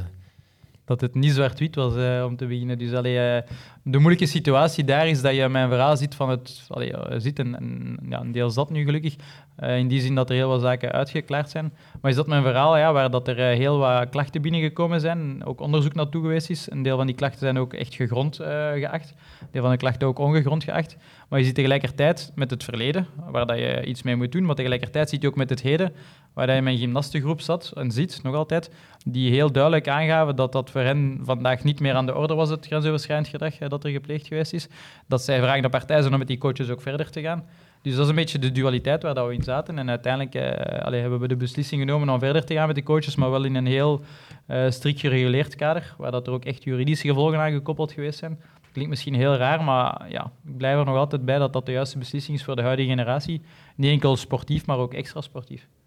Ja, Ehm, ja, we gaan niet te lang blijven stilstaan bij je passage bij de, bij de Gymfet. Maar je gaat eigenlijk, als je het op lange, allee, of over je passage beziet, je begint in de miserie. En ik denk dat je eindigt aan de top met goud voor Nina. Ja, oké, maar allee, dat is heel kort door de bocht. Het is niet dat ik eh, heel veel eh, verdiensten heb aan die medaille. Allee, eh, als ik één verdiensten heb, dan is het de laatste maanden voor de Spelen dat ik een van de personen was die haar ook mee een beetje gekalmeerd heb en bepaalde beslissingen genomen heb in overleg met haar, in haar, allee, althans zeggen, in haar omkadering, zonder te veel in detail te gaan. En that's about it. Allee, al de rest ja, is Nina en, en, en haar omkadering vooral. En ja. hoe is het om als medewerker van een federatie, of iemand van binnen een federatie, die goud pakt op de Spelen? Ik denk, Ja, dat was fantastisch. het, het Allee, hoogst maar, haalbare, denk maar ik. vooral, allee, het leuke daaraan was dat ik... eh, allee, het was een heel raar kampioenschap, want er waren geen toeschouwers. Dus het was eigenlijk wel eh, de, de, de equipe die er was. Dus dat was, eh, ik was daar samen met, met drie coaches. Eh, en dan met, met Nina, de andere drie dames en dan de twee reserves. Dus dat was eigenlijk... en, en ook met Wouter, de, de fysio. Ehm, dus dat was een heel kleine ploeg, zeg maar. Ja, je, je weet dat er van buitenaf heel veel verwachtingen zijn. Ehm, en ja, uiteindelijk als, als, als niet enkel Nina, maar dan ook de ploeg echt nog een keer allemaal presteren. Ja, dat, dat geeft natuurlijk heel wat, wat kippenvelmomenten. En ook heel wat moeilijke momenten. Want allee, bijvoorbeeld wanneer Nina haar medaille won, ja, wat heel weinig mensen weten of, of ervaren misschien hebben. eh, de wedstrijd zelf was denk ik 15 minuten of 20 minuten uiteindelijk vertraagd, wat eigenlijk bijna nooit voorkomt in de gymnastiek. Dus je ziet eigenlijk mijn opwarming die net afgerond is en dat ik kom afroepen dat, eigenlijk, ja, dat je een kwartier gaat moeten wachten. Veel sporten is dat geen probleem, maar in gymnastiek is het zo dat je eigenlijk vlak voordat je op het podium gaat, doe je nog een laatste keer een deel van je oefening. Ja, plots moest je daar beginnen te schipperen.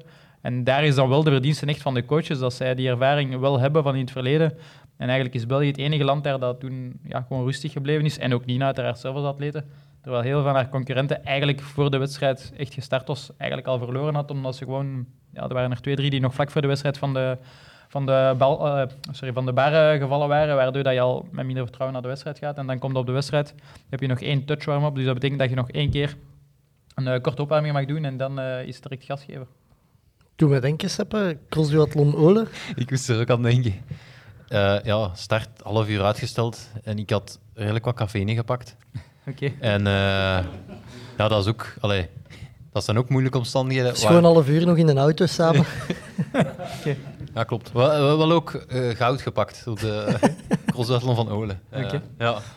Ehm, turnen op zich, zijn de kenner nu?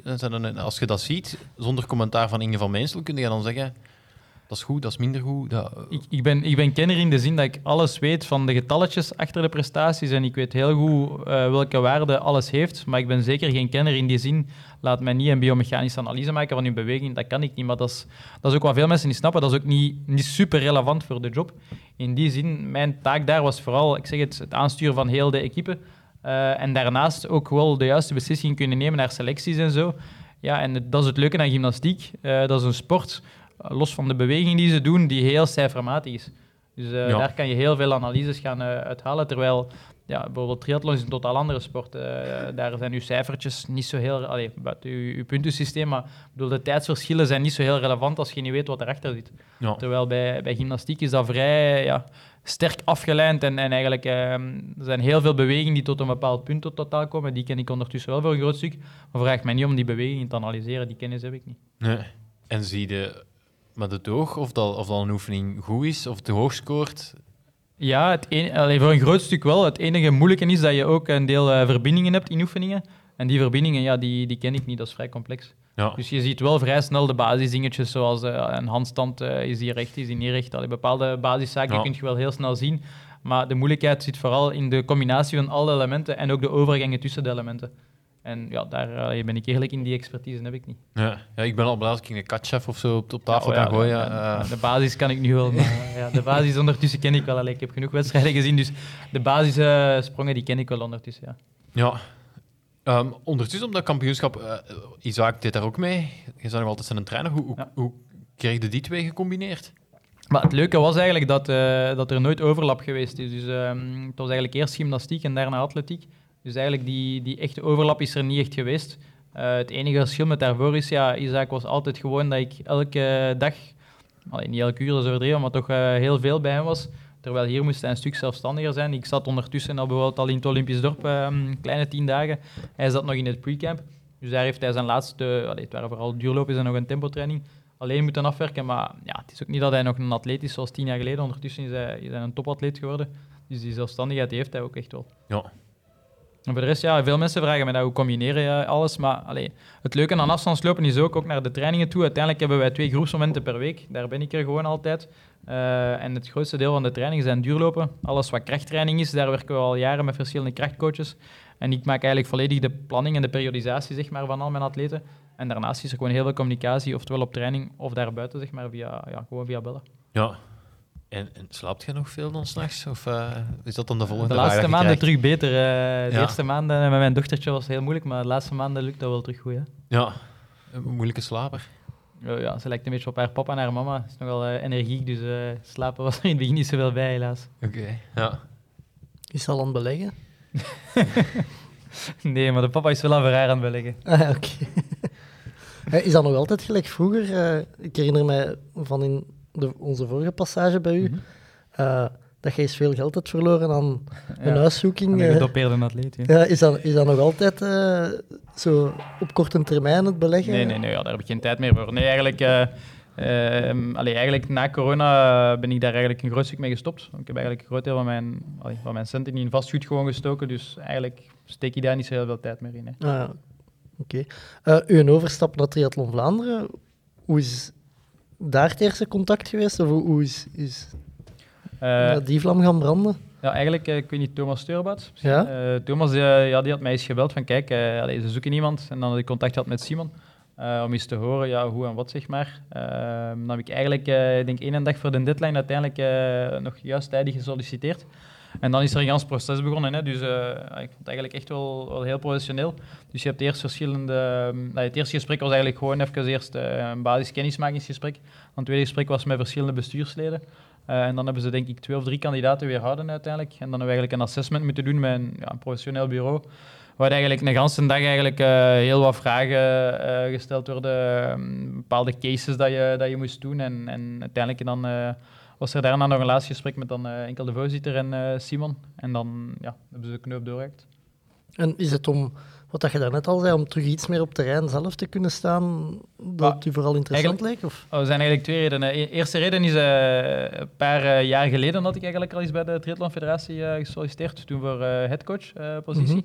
Eh, allee, headcoach in die zin, dat was toen eigenlijk niet om atleten te coachen, maar echt gewoon eigenlijk de opvolging deel van de atleten en zo te doen.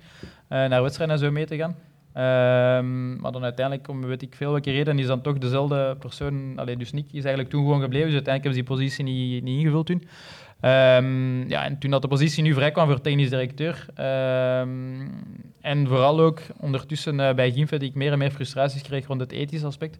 Omdat het meer en meer een documentatieverhaal geworden is, is dan wel echt ja, nog on the field dingen te gaan veranderen.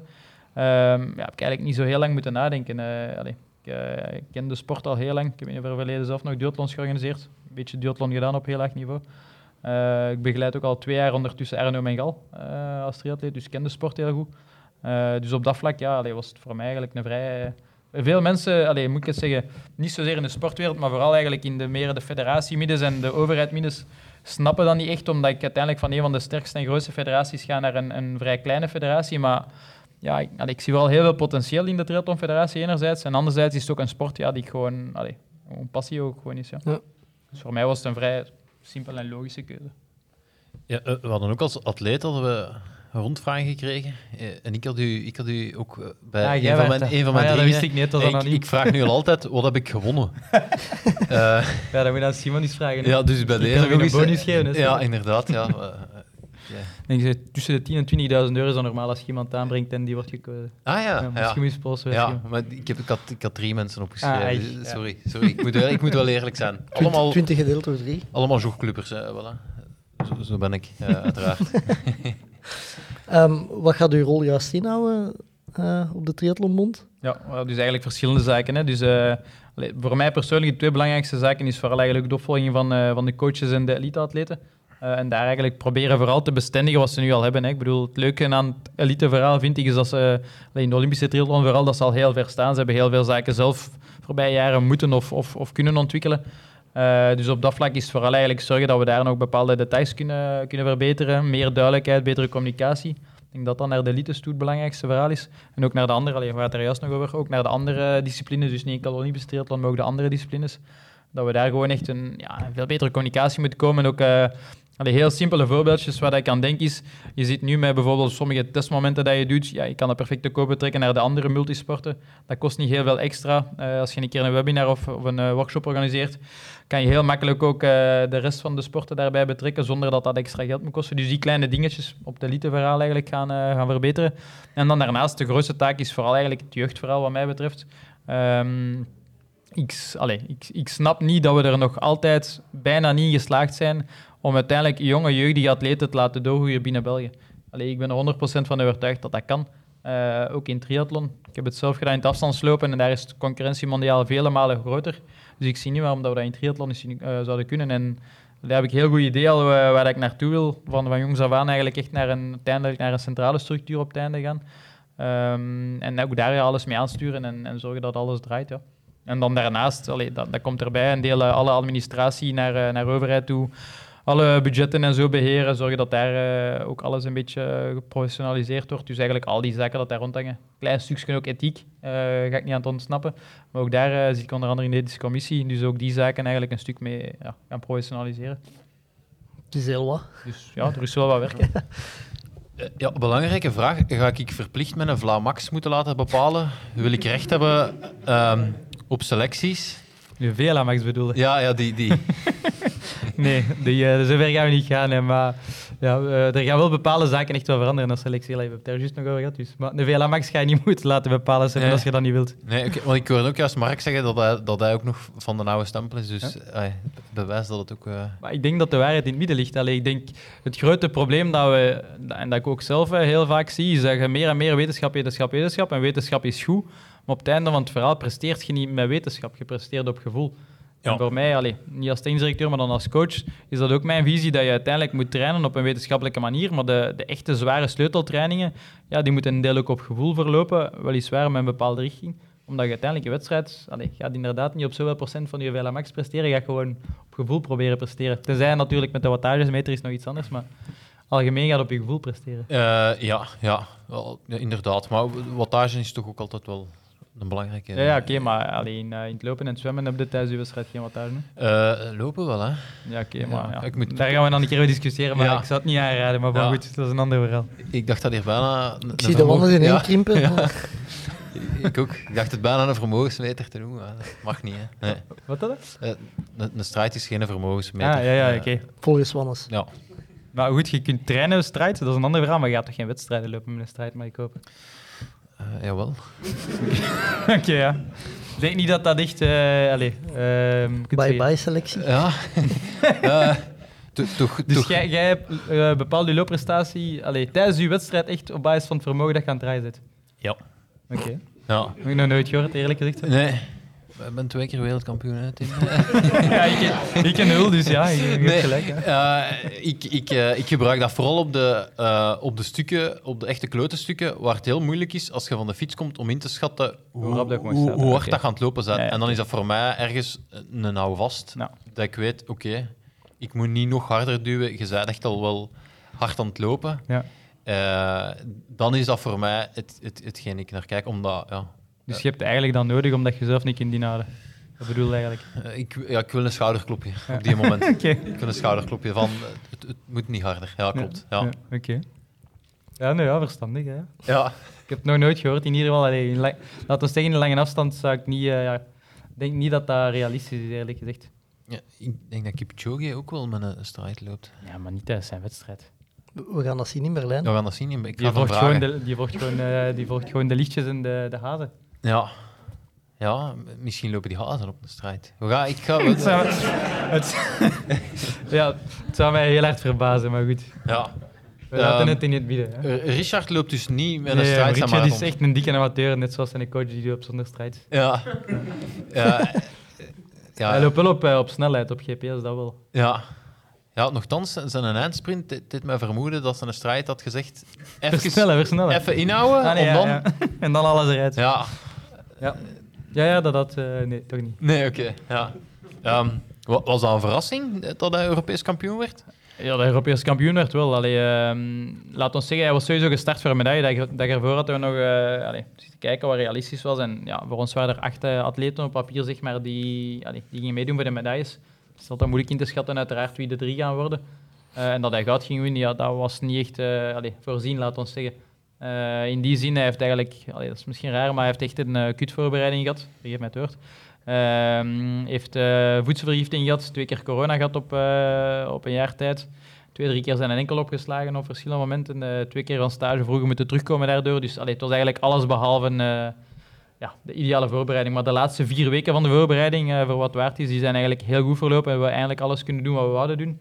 En allee, ja, hij verwoordde het zelf zo dat hem twee dagen voor zijn wedstrijd uh, zijn beste benen had in een jaar tijd. Uh, dus op dat vlak was het qua tapering ideaal. Ja. Maar ja, dat zegt nog niks, want je weet niet wat de concurrentie waard is natuurlijk. Hè. Nee, en vaak zeg je dan Ju twee dagen te vroeg.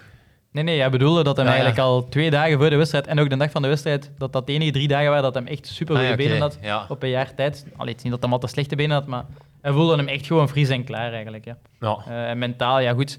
Eh, hij loopt voor zijn eigen, zijn eigen publiek. Eh, dus allee, ik denk persoonlijk dat, en, en dat geeft hij zelf ook, eh, of dat is ook zijn idee.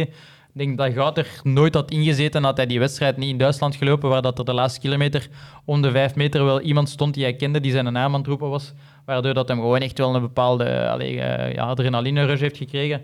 Waardoor dat hem uiteindelijk van, van vier naar één nog gegaan is. Anders had hij misschien vierdes, derdes, weet ik het Het was wel indrukwekkend, hè? Zijn, zijn laatste kilometer. Ja, ja allee, eh, zijn, laatste, zijn laatste vijf kilometer heeft hij in 14,40 ongeveer gelopen. En zijn laatste, allee, we hebben ook de snelheden, want ja, met training peaks dat doen we nou wel. De laatste 200 meter eh, heeft hem nog in 27 gelopen. Dus, eh, ja, dus dat is vrij geschift in de marathon. Ja. Amai. Ja. Ja, dat is wel een lichtjes bergaf, maar dan nog. Ja. Ja, tijdens de marathon, ik herinner mij dat hem samen met Koen Aert even de, de groep laat lopen, de Ja. kopgroep. Ehm, ja, achteraf gezien denk ik dat de kopgroep versnel, dat ze aan het versnellen waren in Ja. de kopgroep en dat zij gewoon egaal zijn blijven lopen. Ja. Eh, maar die moment zelf denkt je dan, shit, Ja, uiteraard. Ja. Het, allee, moet ik het zeggen? Ik, ik dacht op dat moment, dat was eh, denk ik ergens een kilometer of zes, vijf, zes voor het einde, denk ik, was het ergens. was Landa Sem, die, eh, de Spanjaard, die trouwens gepakt ooit is voor doping, die aangevallen had. maar veel te hard. Allee, ik denk dat een kilometer was van 2,50 of zo dat hij toen gelopen heeft, Landa Sem. En dan, ja, dan merk je wel dat het gat ook nooit heel groot geweest is. Denk ik, het grootste dat het gat geweest is wel 8 seconden of zo. Dus allee, wat ik wel wist bij Richard, Richard is iemand die nooit stilvalt. Allee, dat is zo de typische, beetje een seppe misschien op dat vlak, ene die, eh, Ja. een aeroop monster die, eh, allee, die eigenlijk alleen maar beter wordt naarmate de wedstrijd vordert. Dus dat wist ik wel, maar ja, je weet niet wat de rest gaat doen. Allee, op dat moment leken, leken er minstens vijf atleten sterker als hem. Uiteindelijk eh, is hij de enige geweest die wel echt zo verstandig geweest is om constant, constant tempo te blijven lopen. Terwijl die andere mannen hebben twee, drie keer echt een, eh, zware tussenversnelling gedaan. Ja, iedereen die een marathon gelopen heeft, weet dat je dat, niet, dat je dat best niet doet op het einde van een marathon. Dus. En dat is voor mij nog altijd de reden waarom dat hij uiteindelijk ja, die de wedstrijd kunnen winnen heeft. Dat hij meegaan in die tempoversnellingen, had hij nooit op het podium gestaan. Ja. Eh, ik heb de marathon live op tv gezien. Ik zag ineens Timorio verschijnen op een koersfiets eh, langs het parcours. Ik dacht, het eerste wat dat door mij heen ging was... Zot, rijdt op een stadsfiets daar, dat is stabieler als een koersfiets. Eh, is dat niet risicovol, er zo langs rijden? Maar dat was eigenlijk, allee, op tv leek dat weer zotter dan dat was. Eh, dus je had eigenlijk gewoon, het was een tour van 10 kilometer. En dat was eigenlijk drie kilometer ongeveer voorzien, waar dat je gewoon eh, ja, kon meefietsen, dat eigenlijk eh, een halve baan gewoon vrijgehouden was. En het moment dat jij zult gezien hebben, was op het fietspad. En rechts was Al eigenlijk... kloppend op je been. Ja, inderdaad, ja. En rechts was dan eigenlijk het park waar dat fietspad inging. Dus het leek misschien zotter dan dat was in het echt. Ja. Eh, ja, ik loop binnenkort een marathon. Nog, nog last minute tips. Ik zou strijd gebruiken van in het begin. eh gewoon Ja. echt op een goed vermogen starten. Constant of, of toch? Te zien hoe dat parcours is. Hè. Maar ja, op strijd maakt dat niet uit, want ja, dat vermogen, je vermogen blijft constant dat het nu bergaf bergaf gaat. Ja, maar ja, Gewoon constant op hetzelfde vermogen lopen. oké. Ja. Dan moet ik even in mijn strijd gaan zien wat hem voorspelt voor 42 kilometer. Nu, waar gaat hij lopen? Berlijn. Nou, oké, ja, dat, is, ja, gewoon een vlak parcours. Dat is het tweede snelste parcours van de wereld, dus dat gaat snel. Hè. Ja. Welke is snelste? Volgens mij eh, is, dat, is dat meer en meer eh, Valencia aan het worden, maar ja, bij Valencia hangt heel veel af van, eh, van ook de weersomstandigheden. Als je chance hebt, staat de wind daar mee op het einde en is het li- lichtdalend op het einde. Maar ja, goed, allee, ik heb twee, drie eh, tegenwoordig. eh, vorig jaar in Sevilla, nee, of dit jaar in Sevilla hebben ze ook keihard gelopen. Dus allee, je hebt er een paar die, eh, die echt wel ja, de concurrentie met elkaar aan het aangaan zijn. Hè. Ja. Eh, hoe goed kent het parcours in Berlijn? Ja, ik heb ooit volledig meegefietst met een stadfiets, maar dat was wel vrij zwaar. Eh, wij, hebben, ja, wij gaan dat skileren de dag voor de marathon. Ja, is het, weer, het weer is vooral belangrijk. Zaterdag mag het niet regenen. Maar ook, we hebben een gerucht opgevangen dat er ergens kinderkopjes in het parcours zitten, of kasseikjes. Is dat zo? Of... Oh, misschien, ja, nee, ik wou zeggen aan Koen vragen. Ja, Koen heeft, uh, moet nog een keer aan Koen vragen. Hè. Ehm, dat weet ik eigenlijk niet. Eh, misschien een klein stukje, maar ja, ik reed op fietspad en daar waren geen uh, kasseien. Dus. Mm, Nou, misschien kunnen we wel dan fietspad even ja. gebruiken. Maar Berlijn is sowieso een supersnel parcours en voor skileren helemaal. En ik bedoel, die, die straten zijn echt fantastisch. Dat, Ja, maar eh, klinkers zijn dodelijk. Hè. Ja, oké, eh, maar, maar ik, denk, ik denk dat dat maar een heel klein stukje misschien in de binnenstad of zo. Maar de grootste stukken zijn echt supergoed in asfalt. Dus ik denk dat dat, dat, dat wel zal lukken. Oké, ja. Eh, Ik heb er eh, vannacht nog trouwens over getoond, Bobby, dat ik aankwam en niet gestopt geraakte na de meet. ja, ik, ik was wel aan het denken, Dat is geen droom, dat is... dat is wel iets waar we nog niet over nagedacht hebben. Ze geven nu een finisher-medaille. Dus als je eh, ja, aankomt, en, allee, hoe gaan we gestopt geraken. ja, voor die medaille te krijgen? Ik hoop dat ze ver genoeg staan. Ja, misschien ligt daar een grindbak of zo. Ja. Eh, Tim, een van uw atleten, Robin Hendricks, zijn we ook langs geweest. Ja. Die woont in de buurt van Capellen op den Bos. Ja, klopt. Eh, die, had stiek, allee, die had eigenlijk de droom om mooi triathlon te doen. Die heeft een zwemverleden. Ja, ik weet het. En een fietsverleden. Ook. Krijgt hem nu toestemming? nee. ja, nee, eh, ja, Robin heeft nogal veel ideeën. Hè. Een paar jaar geleden wou hem ook stiepel doen, maar we hebben ook aan zijn kop kunnen praten, gelukkig. Allee, Tim. Dat is de toekomst van de atletiek, Tim. Ja, ik heb zo'n eh, een Franse atleet, Hugo Ja? misschien, eh, die zegt, ja, ik wil alleen maar in echte disciplines wereldkampioen worden. Dus dat is, ja, je kunt daarover discussiëren natuurlijk. Hè. En doet je stiepel of niet? Oh nee, hij wil geen stiepel doen. Net. ja, maar jij hebt wel stiepel gedaan, zeker? hè? Ja, ik, ben, ik was, oh, excuseer, ik was eh, provinciaal kampioen. Eh, ja. Eh, en toch ook, ja, ik, ondertussen toch ook al één crosscup-punt verzameld. Dus eh, ik denk dat crosscup-punt meer waard is dan die eh, titel van, eh, van stiepel, denk ik. ja, ik heb er echt toch meer opmerkingen over mijn... ja, uiteraard, maar ja. allee, er zijn meer mensen die mijn, die mijn schildje van provinciaal Ja, kampioen willen zien, dan dat ze mijn crosscup-punt willen zien. dat snap ik. Maar puur sportief denk je dat je crosscup-punt meer waard is dan die een titel van, van de stiepel. Hè? ja, ja, en dan heb ik nog een provinciale titel eh, veldlopen ook. Dus Ja, dat is wel meer waard. Ja. Ja. Dat is wel meer waard. Hoe komt dat dan meer waard is? Het is, gewoon is, veel moeilijker. ja, dat is waar, maar ja. Je densiteit is een beetje anders. Hè? Allee, provinciaal kampioen veldlopen worden is veel moeilijker dan provinciaal kampioen stiepel worden, denk je. Ja, ik dacht nu, een Tim is bij de gymvet geweest. Hij gaat stiepel, eh, de balk, Nee, nee, maar hij ik- gaat de balk veel meer appreciëren. Nee, maar En- ik vind... Ik, dat is een goeie. Ik vind stiepel een superdiscipline, hè. begrijp me niet verkeerd, maar ja, er doet gewoon bijna niemand discipline, eh, doet bijna niemand stiepel in België, dus. Ja, we zijn aan, verander- aan het veranderen. Hè. De, we zijn er om een keer aan het inzetten. En, Ah, ja? eh, ja, ja, ja. Oké, is goed. Eh, gewoon door er heel veel over te babbelen. En het, Maar stiepel is voor mij een van de disciplines dat je moet daar een nul doen waar dat je heel makkelijk, allee, heel makkelijk, makkelijker mondiaal mee kunt doen. Hè. Ik bedoel, dat is gewoon de realiteit. Ja, dat is toch, dat is toch eh, een pluspunt om het te gaan doen. Ah ja, als tuurlijk. we- Ja. Ah, Maar je moet je niet overtuigen. Ik ben, Ah, ja. ik ben ook trouwens vrij naar partij dat Hugo stiepel zou doen, want ik ben ervan overtuigd dat dat eigenlijk zijn beste discipline kan. Maar waarom dan Isaac niet? je hebt ook een bepaalde techniciteit nodig. eh. Ja, Nee, maar eigenlijk, Isaac heeft wel heel veel sprongkracht. Dus, maar ja, allee, ik denk dat, dat je echt wel een bepaalde natuurlijke aanleg moet hebben. En ik denk, moest hij nu nog met stiepel moeten starten, dat dat, ja, dat, dat niet goed komt. Eh, Maar Robin mag dus niet stiepelen en niet triathlon gaan doen? Maar jawel, na zijn carrière. Ah ja, Allee, hij bepaalt dat zelf op het einde van het verhaal, hè, maar ja, ik zie het niet. Hè. nee. Het zou toch een goede triatleet zijn, hè? Maar, ja, oké, maar ik denk niet dat hij hetzelfde niveau zou halen mondiaal als dat hij nu in eh, atletiek kan halen. Ja. Atletiek is hij ongeveer top 20 van de wereld. Ik denk dat het moeilijk zou zijn voor hem om top 20 van de wereld in de Olympische triathlon te worden. Ja, Ik denk niet dat dat realistisch is. nee, dat is waar, misschien. Ja, ja, We, we dachten Kapellen op de Bos. Ja, ik zie de link, ja. Hij, kan, hij kan ook die triathlon even, 21 juli altijd. Ja. Nee, nee, dat ik wou zeggen dat is op vakantie, maar nee. Nee, Hij is op uh, trainingstage dan waarschijnlijk volgend jaar. ah ja. Dat Oké. is een maandje voor het WK, dus. Ja. Eh, hoe, hoe is het met uw andere atleten waar dat we al zijn langs geweest? Ik denk een, een Dieter. eh, Thomas Bok. Ja, vanmorgen, nog. Vanmorgen? Ja? Ja, dat was vanmorgen de Ah, aflevering. ja, die ja, ja, ja, ja, ja, deze Ja. morgen nog. Ja, ja. Ja. Ik had hem deze morgen aan de lijn, daarmee ik vond het wel raar. Eh, ja, nee, eh, met Boekie gaat eigenlijk heel goed. Hè. Eh, Hij is eh, het voorbije wereldkampioenschap als hij dertigste. Eh, Ik denk eh, derde niet gelopeerde blanke, dus, dus dat is goed. Eh, ja, wij, wij redeneren op een bepaalde manier.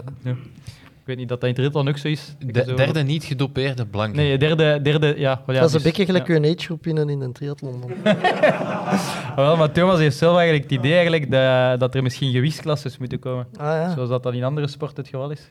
Dan zou hij misschien wereldkampioen geweest zijn. Ja, er is er juist al een roeier naar huis gegaan die niet mocht eten vandaag, omdat hij een lichtgewicht is. Dus eh, Oei. die gewichtsklasses hebben ook wel eh een nevenwerking. Ja, ja, tuurlijk. Wel, nee, maar bij Thomas is dat echt zo. Hè. Allee, hij is, qua profiel is hij, hij heeft een beetje de pech dat hij, eh, moet ik het zeggen, fysiologisch is hij, is hij enorm, enorm eh, getalenteerd. Hij heeft hele sterke capaciteiten. Maar ja, hij heeft, eh, heeft zijn gewicht een beetje tegen. En, en niet omdat hij niet met zijn voeding bezig is, maar hij heeft gewoon een vrij, vrij gespierde lichaamsbouw, wat, wat voor marathon gewoon niet, niet voordelig is. Daarmee dat hem, dat, ja, dat hem zegt, ja, misschien moet er gewichtskla- Ja. komen. En over dat, dat, dat doping... eh, eh, hoe- Ja, goed, ja, er zijn altijd bepaalde atleten die, die al geschorst geweest zijn en die dan nog altijd eh, kunnen presteren. Dus ja, goed, ja. Allee, mijn eh, mening is daar vrij duidelijk over. Ik vind als je op bepaalde producten betrapt geweest bent, moet je levenslang geschorst worden, simpel. Ja, Dus ja. geen tweede kans. Nee, allee, ja, het is te zien wat hij neemt. Hè. Maar als je je EPO-transfusie genomen hebt, ja, waarom zou je dan een tweede kans verdienen? Dat is toch vrij simpel. Ja, dat je dan ineens het licht ziet en... en Maar ja, maar wat doet je dan met het feit dat je voor de rest van je leven een, eh, een voordeel gaat hebben? Ja, dat is inderdaad... Een Hetzelfde met, EPO-pas. dat is hetzelfde met, met anabolen. En ik bedoel, als je anabolen genomen hebt, heb je voor de rest van je leven een, eh, een voordeel op concurrenten. Dus nee, dan kun je voor mij niet meer aan competitie eh, doen. Oké, dat is duidelijk. Eh, ja, ik, ik heb mij ook geselecteerd voor het WK Gravel en ik zag dat Davide Rebellin zich ook gekwalificeerd heeft. Gelukkig in een andere leeftijdscategorie. Oké. Eh, dat Maar de fijn. Rebellin is bij mij weten nooit gepakt.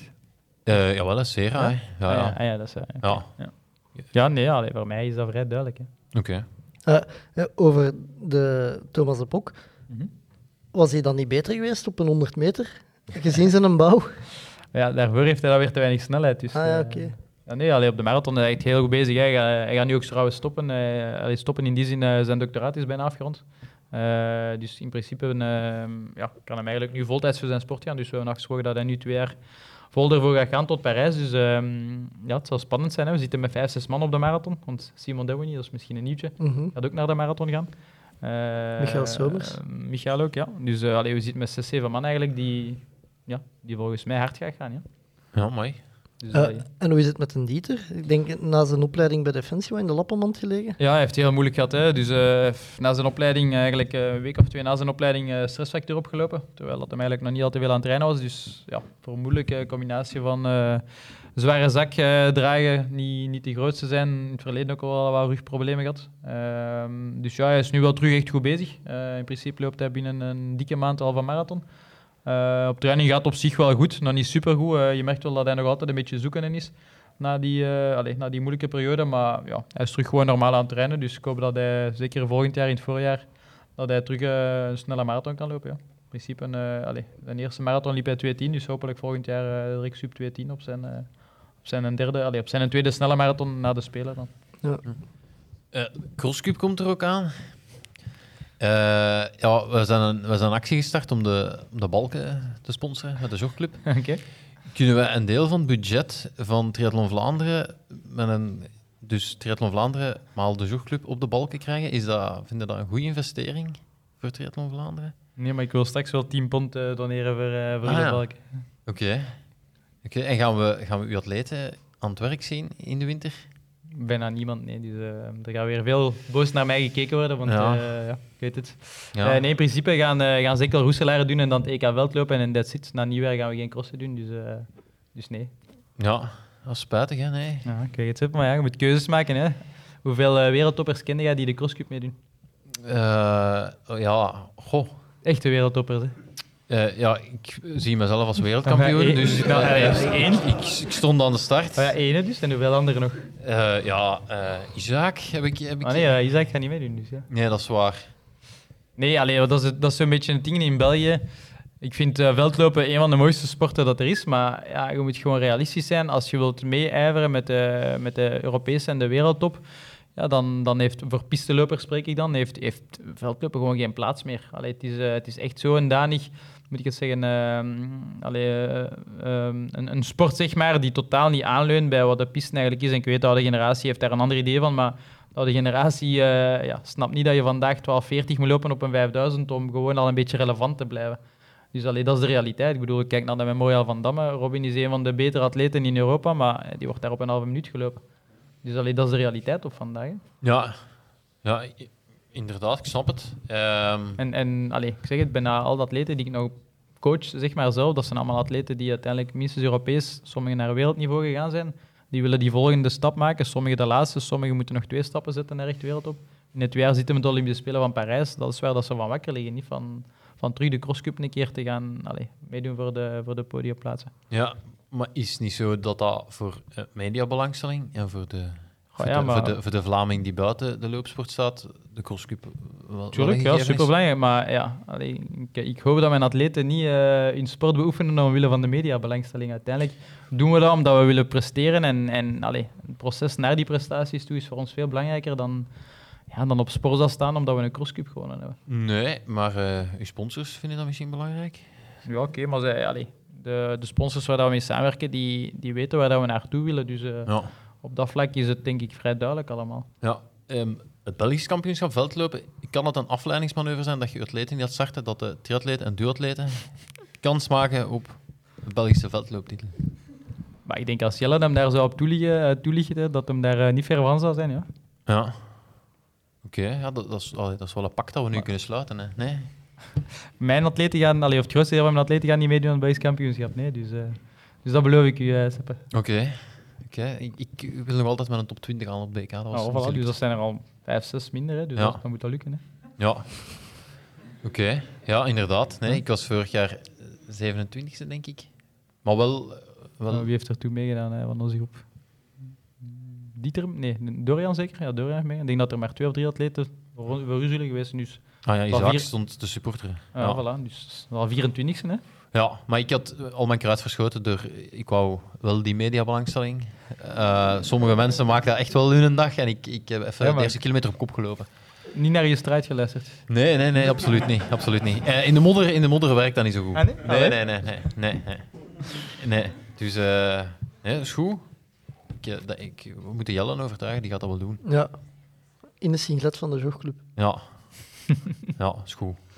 Eh, Tim, wat staat er op, eh, korte en lange termijn op uw agenda nu weer eh, bij de Triathlon Vlaanderen? Ik ben eigenlijk nu vooral bezig, zoals ik daar juist ook al zei, met, met echt nu vooral beleidsplan te schrijven. Dus eigenlijk de structuur die we de komende jaren willen eigenlijk uitbouwen in, in de triathlon. Dan moet die goedgekeurd worden ook door Raad van Bestuur en dan gaat die naar Sport Vlaanderen. Ehm, en daaraan gelinkt eigenlijk ook alles van, van budgetten eigenlijk die we nu...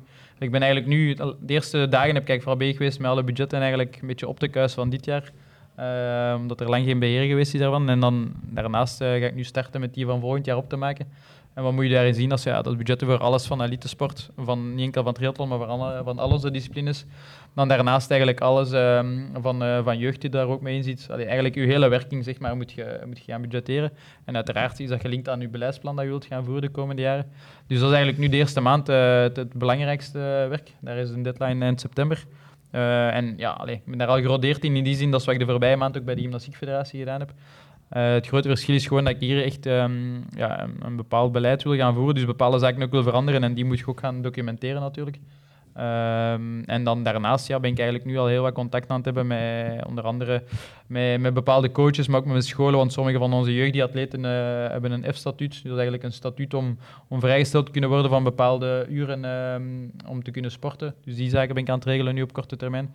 En daarnaast ehm, ja, ben, ik, eh, ben ik al naar een paar wedstrijden mee geweest van onze elites. Ga ik nu ook, is nog niet direct, maar ga ik ook naar eh, Abu Dhabi meegaan. Ehm, en daarnaast ja, vooral eigenlijk al de wedstrijden ook mee opvolgen. Dus eigenlijk, allee, eigenlijk een leuke job. Hè. Je kunt eh, naar triathlonwedstrijden kijken en wordt er nog voor betaald ook. Schoon. Ja, je gaat naar Bilbao moeten gaan, hè? Ja, ik weet het, maar... Ik kan multisport. ja, voor naar Rieten komen kijken. Ja, je had maar drie keer kunnen... ja. Ja, wel, ik heb echt nog getwijfeld, maar ja, ik zeg het, allee, de komende twee, drie weken eh, is echt wel gewoon gas geven eerst voor, eh, voor al die administratie in orde te krijgen. Dus, eh, maar ik zal, eh, ik zal op de livestream kijken. Oké. Dat beleidsplan, in welke vorm? Is dat een PowerPoint? Is dat, is dat een boek dat je schrijft? Hoe, hoe- Eh, dus je schrijft dat in Word en dan maakt hij daar een pdf van. En dan, Ja. dan stuur je dat. En is, geeft je dat dan af zo in een ringmapje? Of is, hoe... Dus je stuurt dat op via e-mail. Ah ja. En dan, dan moeten die mensen dat... Die mensen lezen dat dan, Hoeveel, denk ik, pagina- hoop hoeveel ik. pagina's is dat? Hoe, is het? Veel is een beetje afhankelijk. Bij de uh, Gymnastiekfederatie was dat bijna 100 pagina's. Eh, dus met alle bijlagen en zo bij. En dan daarnaast heb je budget eigenlijk is een, eh, is een soort van Excel eigenlijk, eh, bestand, waar dat eigenlijk al uw, eigenlijk al uw data zitten daarin. Hè. Dus uw financiën van uw budget, maar ook eh, uw contracten van uw medewerkers. Uw, eh, een deel van uw eh, aanvraag ook voor eh topsoortcontracten en zo. Allee, eigenlijk al die zaken zitten daarin, zeg maar. Ja. Dus het is wel nog wat werk. Oké. Jij liever als ik, denk ik, als ik dat allemaal Ja. Nee, maar dat is, allee, dat is op zich wel leuk, hè, want dat gaat over, allee, dat gaat over een leuke materie. Dus het is niet, allee, dat is geen doctoraat dat je moet schrijven of zo. Dat is over iets dat je uiteindelijk, allee, ja, wat je passie is. Dus op zich. eh, ja, ik vind het al dat, moeilijk om de mail te beantwoorden. ja, dan moet je die job Ja. niet doen. Ja, nee, Nee, ja, nee in- maar ik vind dat wel leuk. Ja. In, in die Excel ga ik meestal gewoon kijken of het cijfertje rood of groen is. Eh, of, ja, van onder gewoon. Als je naar beneden scrolt, Ah. dat is zo meestal... Ja. Dat is zo, ja. Oké. Het zal iets Ja, complexer het is zijn. ja, een klein beetje, klein, klein beetje complexer. Eh Seppe, voor de rest nog vragen voor Tim? Ja, ik, eh, ja, het is een moment misschien om, om, Nee, om meer budget... Nee, nee, ik ga, dat, dat, ga, ik- dat gaan we niet doen. Eh, nee. Eh, nee, niet direct. Ik hoop dat hij wel naar de Korskuppen komt kijken is af en toe. Ja, naar sommigen zal ik komen kijken. Ja. Eh, als ik atleten heb die meedoen, eh, dan zal ik komen kijken. Ja. Oké. Eh, Tim, nog dingen die je kwijt wilt aan de luisteraars, de mensen in de zaal? Nee, ja, ik vond het eh, eens leuk om met jullie te praten. Je bent Ja. braaf geweest, vind ik. Dus Ja. eh, ik had er wel schrik van, maar De- ja? vragen- de vragen willen goed mee. hè. De VLA Max van uw dochter die, die je wilt meedelen? Of? Nee, maar allee, om dan misschien toch, zodat de mensen helemaal denken dat ik zot ben. Ik ga mijn dochter waarschijnlijk wel in de hoogtetent la- laten slapen. Echt? Ja, echt, ja. Gewoon voor dan later... eh, Ja, allee, ja, als zij zelf ooit eh, duursport wil doen, dan heeft zij daar een voordeel. En wil ze dat niet doen, oké, ja, dan gaat er daar geen enkel eh, probleem mee zijn. Dus ja, dan... eh, Maar ik dacht dat je zo... Mij hebben ze altijd gezegd dat zo kinderen onder een bepaalde leeftijd, dat je die niet mee in de bergen mocht pakken of zoiets. Hebben ze dan wijsgemaakt? Ja, ik weet niet, mensen, ik, hoor dat, ik hoor dat van mensen met kinderen. Hè. Ik heb zelf geen kinderen. Hè. Ja. Nee, dat, eh, allee, dus voor alle duidelijkheid, ik heb daar ook al wat research in gedaan, hè, dus daar is totaal geen probleem mee. Hè. Allee, dat is eigenlijk hetzelfde als dat je... Allee, pakt, pakt gewoon elke Afrikaanse atleet eh, in Kenia, in Iten, die worden op hoogte geboren, dus... Maar slaapt jij zelf als coach in een hoogtetent? Nee. Ja? Dat is niet zo heel relevant, denk ik. Hè. Je gaat echt een hoogtetent kopen voor je dochter? Maar we hebben verschillende hoogtetenten, hè, dus dat... Allee. En wat is, wat is het het protocol van een, van een baby in een hoogtetent? Allee, want ik, ik beeld mij in, een vuile pamper, eh, eten en drinken dus- s'nachts. Alle duidelijkheid, nog niet nu, hè. Dus Ah, ja. ehm, als ze een jaar of drie, vier is, hè. Ah, oké. Ja, ja, maar je moet je inbeelden, allee, eh, ik zeg niet hoogtetent, maar het idee is eerder gewoon een hoogtekamer. Dus Ja. eigenlijk is dat gewoon de kamer die op hoogte staat. Dus niet dat je daar eigenlijk... Voor de rest is dat... Ja, allee, dat is stel als dat je gewoon in je normale kamer slaapt, maar het verschil is dat je gewoon op 2000 meter gaat liggen. Ja. En is dat eh, volledig eh, laten installeren of gaat het gelijk Ja, nee. PG Hannes eh, Nee, nee. alles dichttapen? En, Nee, nee, deftig doen, hè, ja. Nee, maar dat is ook iets... Allee, bijvoorbeeld, eh het klinkt nu raar, maar sommige van mijn buitenlandse atleten komen regelmatig naar België, dus ook daar kan je dat dan voor gebruiken. Hè.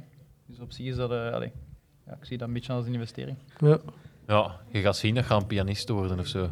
Ja, maar ik zeg het, allee, want veel mensen denken dat ik zo de gefriekte papa dan ben, die, die wil dat zijn dochter Tosso doet, maar nee, maar ik zie het eerder omgekeerd. Ik had graag gehad dat mijn ouders bijvoorbeeld zoiets voor mij gedaan hadden. Waarom? Ja, je verliest Ja. er niks mee en uiteindelijk heb je er wel een voordeel mee. Ja. En als je inderdaad pianist wilt worden, oké, ja, dat, super, hè. mijn vrouw heeft dat ook gedaan, dus dat, dat is geen probleem. Ah ja, oeh, ja. Ja, En- niet eh, professioneel of zo, gewoon. En, en die zwemlessen, wanneer... Allee, kind, Ik zeg het, ze, ze mag zelf kiezen welke sport ze doet. Dus eh, voor mij de ideale opbouw voor een kind, als we het daar dan toch over hebben, eh, is dat je, is dat je volgens mij de, de combinatie moet doen tussen, tussen turnen en een duursport. Tot een bepaalde leeftijd. En dan ja, kan je... Stiepel. Ja, sti- nee, maar allee, gymnastiek, allee, kleuterturnen kan je op twee jaar en een half mee starten. Dus je hebt daar een hele brede basisvorming die je daarmee Ja. hebt. Als je daar dan een duursport, maakt niet uit wat dat nu zwemmen is of, of allee, ja, fietsen is al vroeg op jonge leeftijd, maar zwemmen inderdaad is volgens mij het meest makkelijke. Dan heb je gewoon eigenlijk de basis van, van, eh, van coördinatie, mobiliteit. Je hebt een bepaalde impact gecreëerd op spieren, eh, botten en pezen. En daarna kunnen ze wat elke sport eh, gaan doen op een bepaald niveau. Ja. Oké. Allee, wij, wij onderschatten nog altijd heel veel wat dat je gewoon door een juiste manier van jongs af aan kinderen aan te leren, dat ze daardoor al een bepaald talent een deels kunnen ontwikkelen. Wij kijken naar de Ingebrigtses in, in het afstandslopen als, alsof dat, dat freaks zijn, maar ja, los van wat er nu met de papa allemaal gebeurd is, is er wel een bepaald plan dat daarachter zat. En Het belangrijkste vind ik gewoon als je zoiets doet, dat het wel uiteindelijk je kind moet zijn dat moet beslissen wat, wat hij of zij wil doen. Het mag niet een gepusht verhaal worden, want dan, ja... Maar zijn die, zijn die oudste Inge Britsers Inge, eh, niet verloren gegaan in het proces een beetje van de Jacob? Ja, wel, het is dat ik bedoel. Het probleem daar is dat de papa gewoon veel te hard zit te pushen heeft, waardoor dat uiteindelijk dan niet op een gezonde manier gebeurd is. Maar je kunt heel veel zaken al allee, verwezenlijken voor je kinderen, zonder dat daar een druk bij komt kijken op een speelse, slimme manier gewoon aan te pakken. Oké. En op het einde van het verhaal is het aan, aan ja, allee, wat mij betreft toch in ieder geval aan mijn kinderen om te beslissen wat ze al niet willen gaan doen. Ja. Dat gaat zo'n machine worden. Hè. Ja, ja. Ja. Dat is er van haar afhangen, hè. Goed, eh, Tim, dikke merci voor je tijd. Nee, graag gedaan, het was leuk. Seppe, merci om eh, met mij af te zakken tot in Willebroek. Veel plezier. Ja. Eh, voor de mensen in de zaal, eh, ik denk dat een Hans nog Ik ga nog afkondigen. afkondigen. Moet ik dat doen voor de, voor de outro? Ja, en ik zal hem starten en- als je klaar ah, bent, wel. Hans. Ja, nee. Is dat nu is- de derde keer dat je mooi afsluiten in de Joegclub? Ja, dat is juist. Ja. En al zo een paar keer professioneel, vandaag iets minder professioneel. Eh, applaus voor de Hans. En, eh. en, merci, en merci voor, de- voor de geluidsinstallatie, Hans. Ja. dat is, dat is met alle plezier gedaan, mannen. Dat is echt waar. eh, ja. wij, wij blijven en eh, zullen altijd grote fans zijn van de Jogclub podcast. De Bobby en de Seppe die zijn straks ook nog overigens beschikbaar om eh, handtekeningen uit te delen op al ja, welk lichaamsdeel dat je ook maar wilt. Dat kost 5 euro voor in het potteke voor de crosscup balken. Dus blijf daar zeker voor. Willebroek, hebben jullie ervan genoten? Nee, nee, nee. Oh, kom aan, kom aan. Ik wil het hier horen daveren. Voor de Seppe, voor de Bobby en voor Timorio. Een daverend applaus.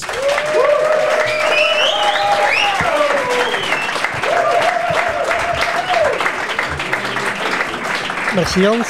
Eh, ik wil nog juist zeggen dat de Kevin zijn onderbroek nog moet komen leegmaken bij ons in potteke.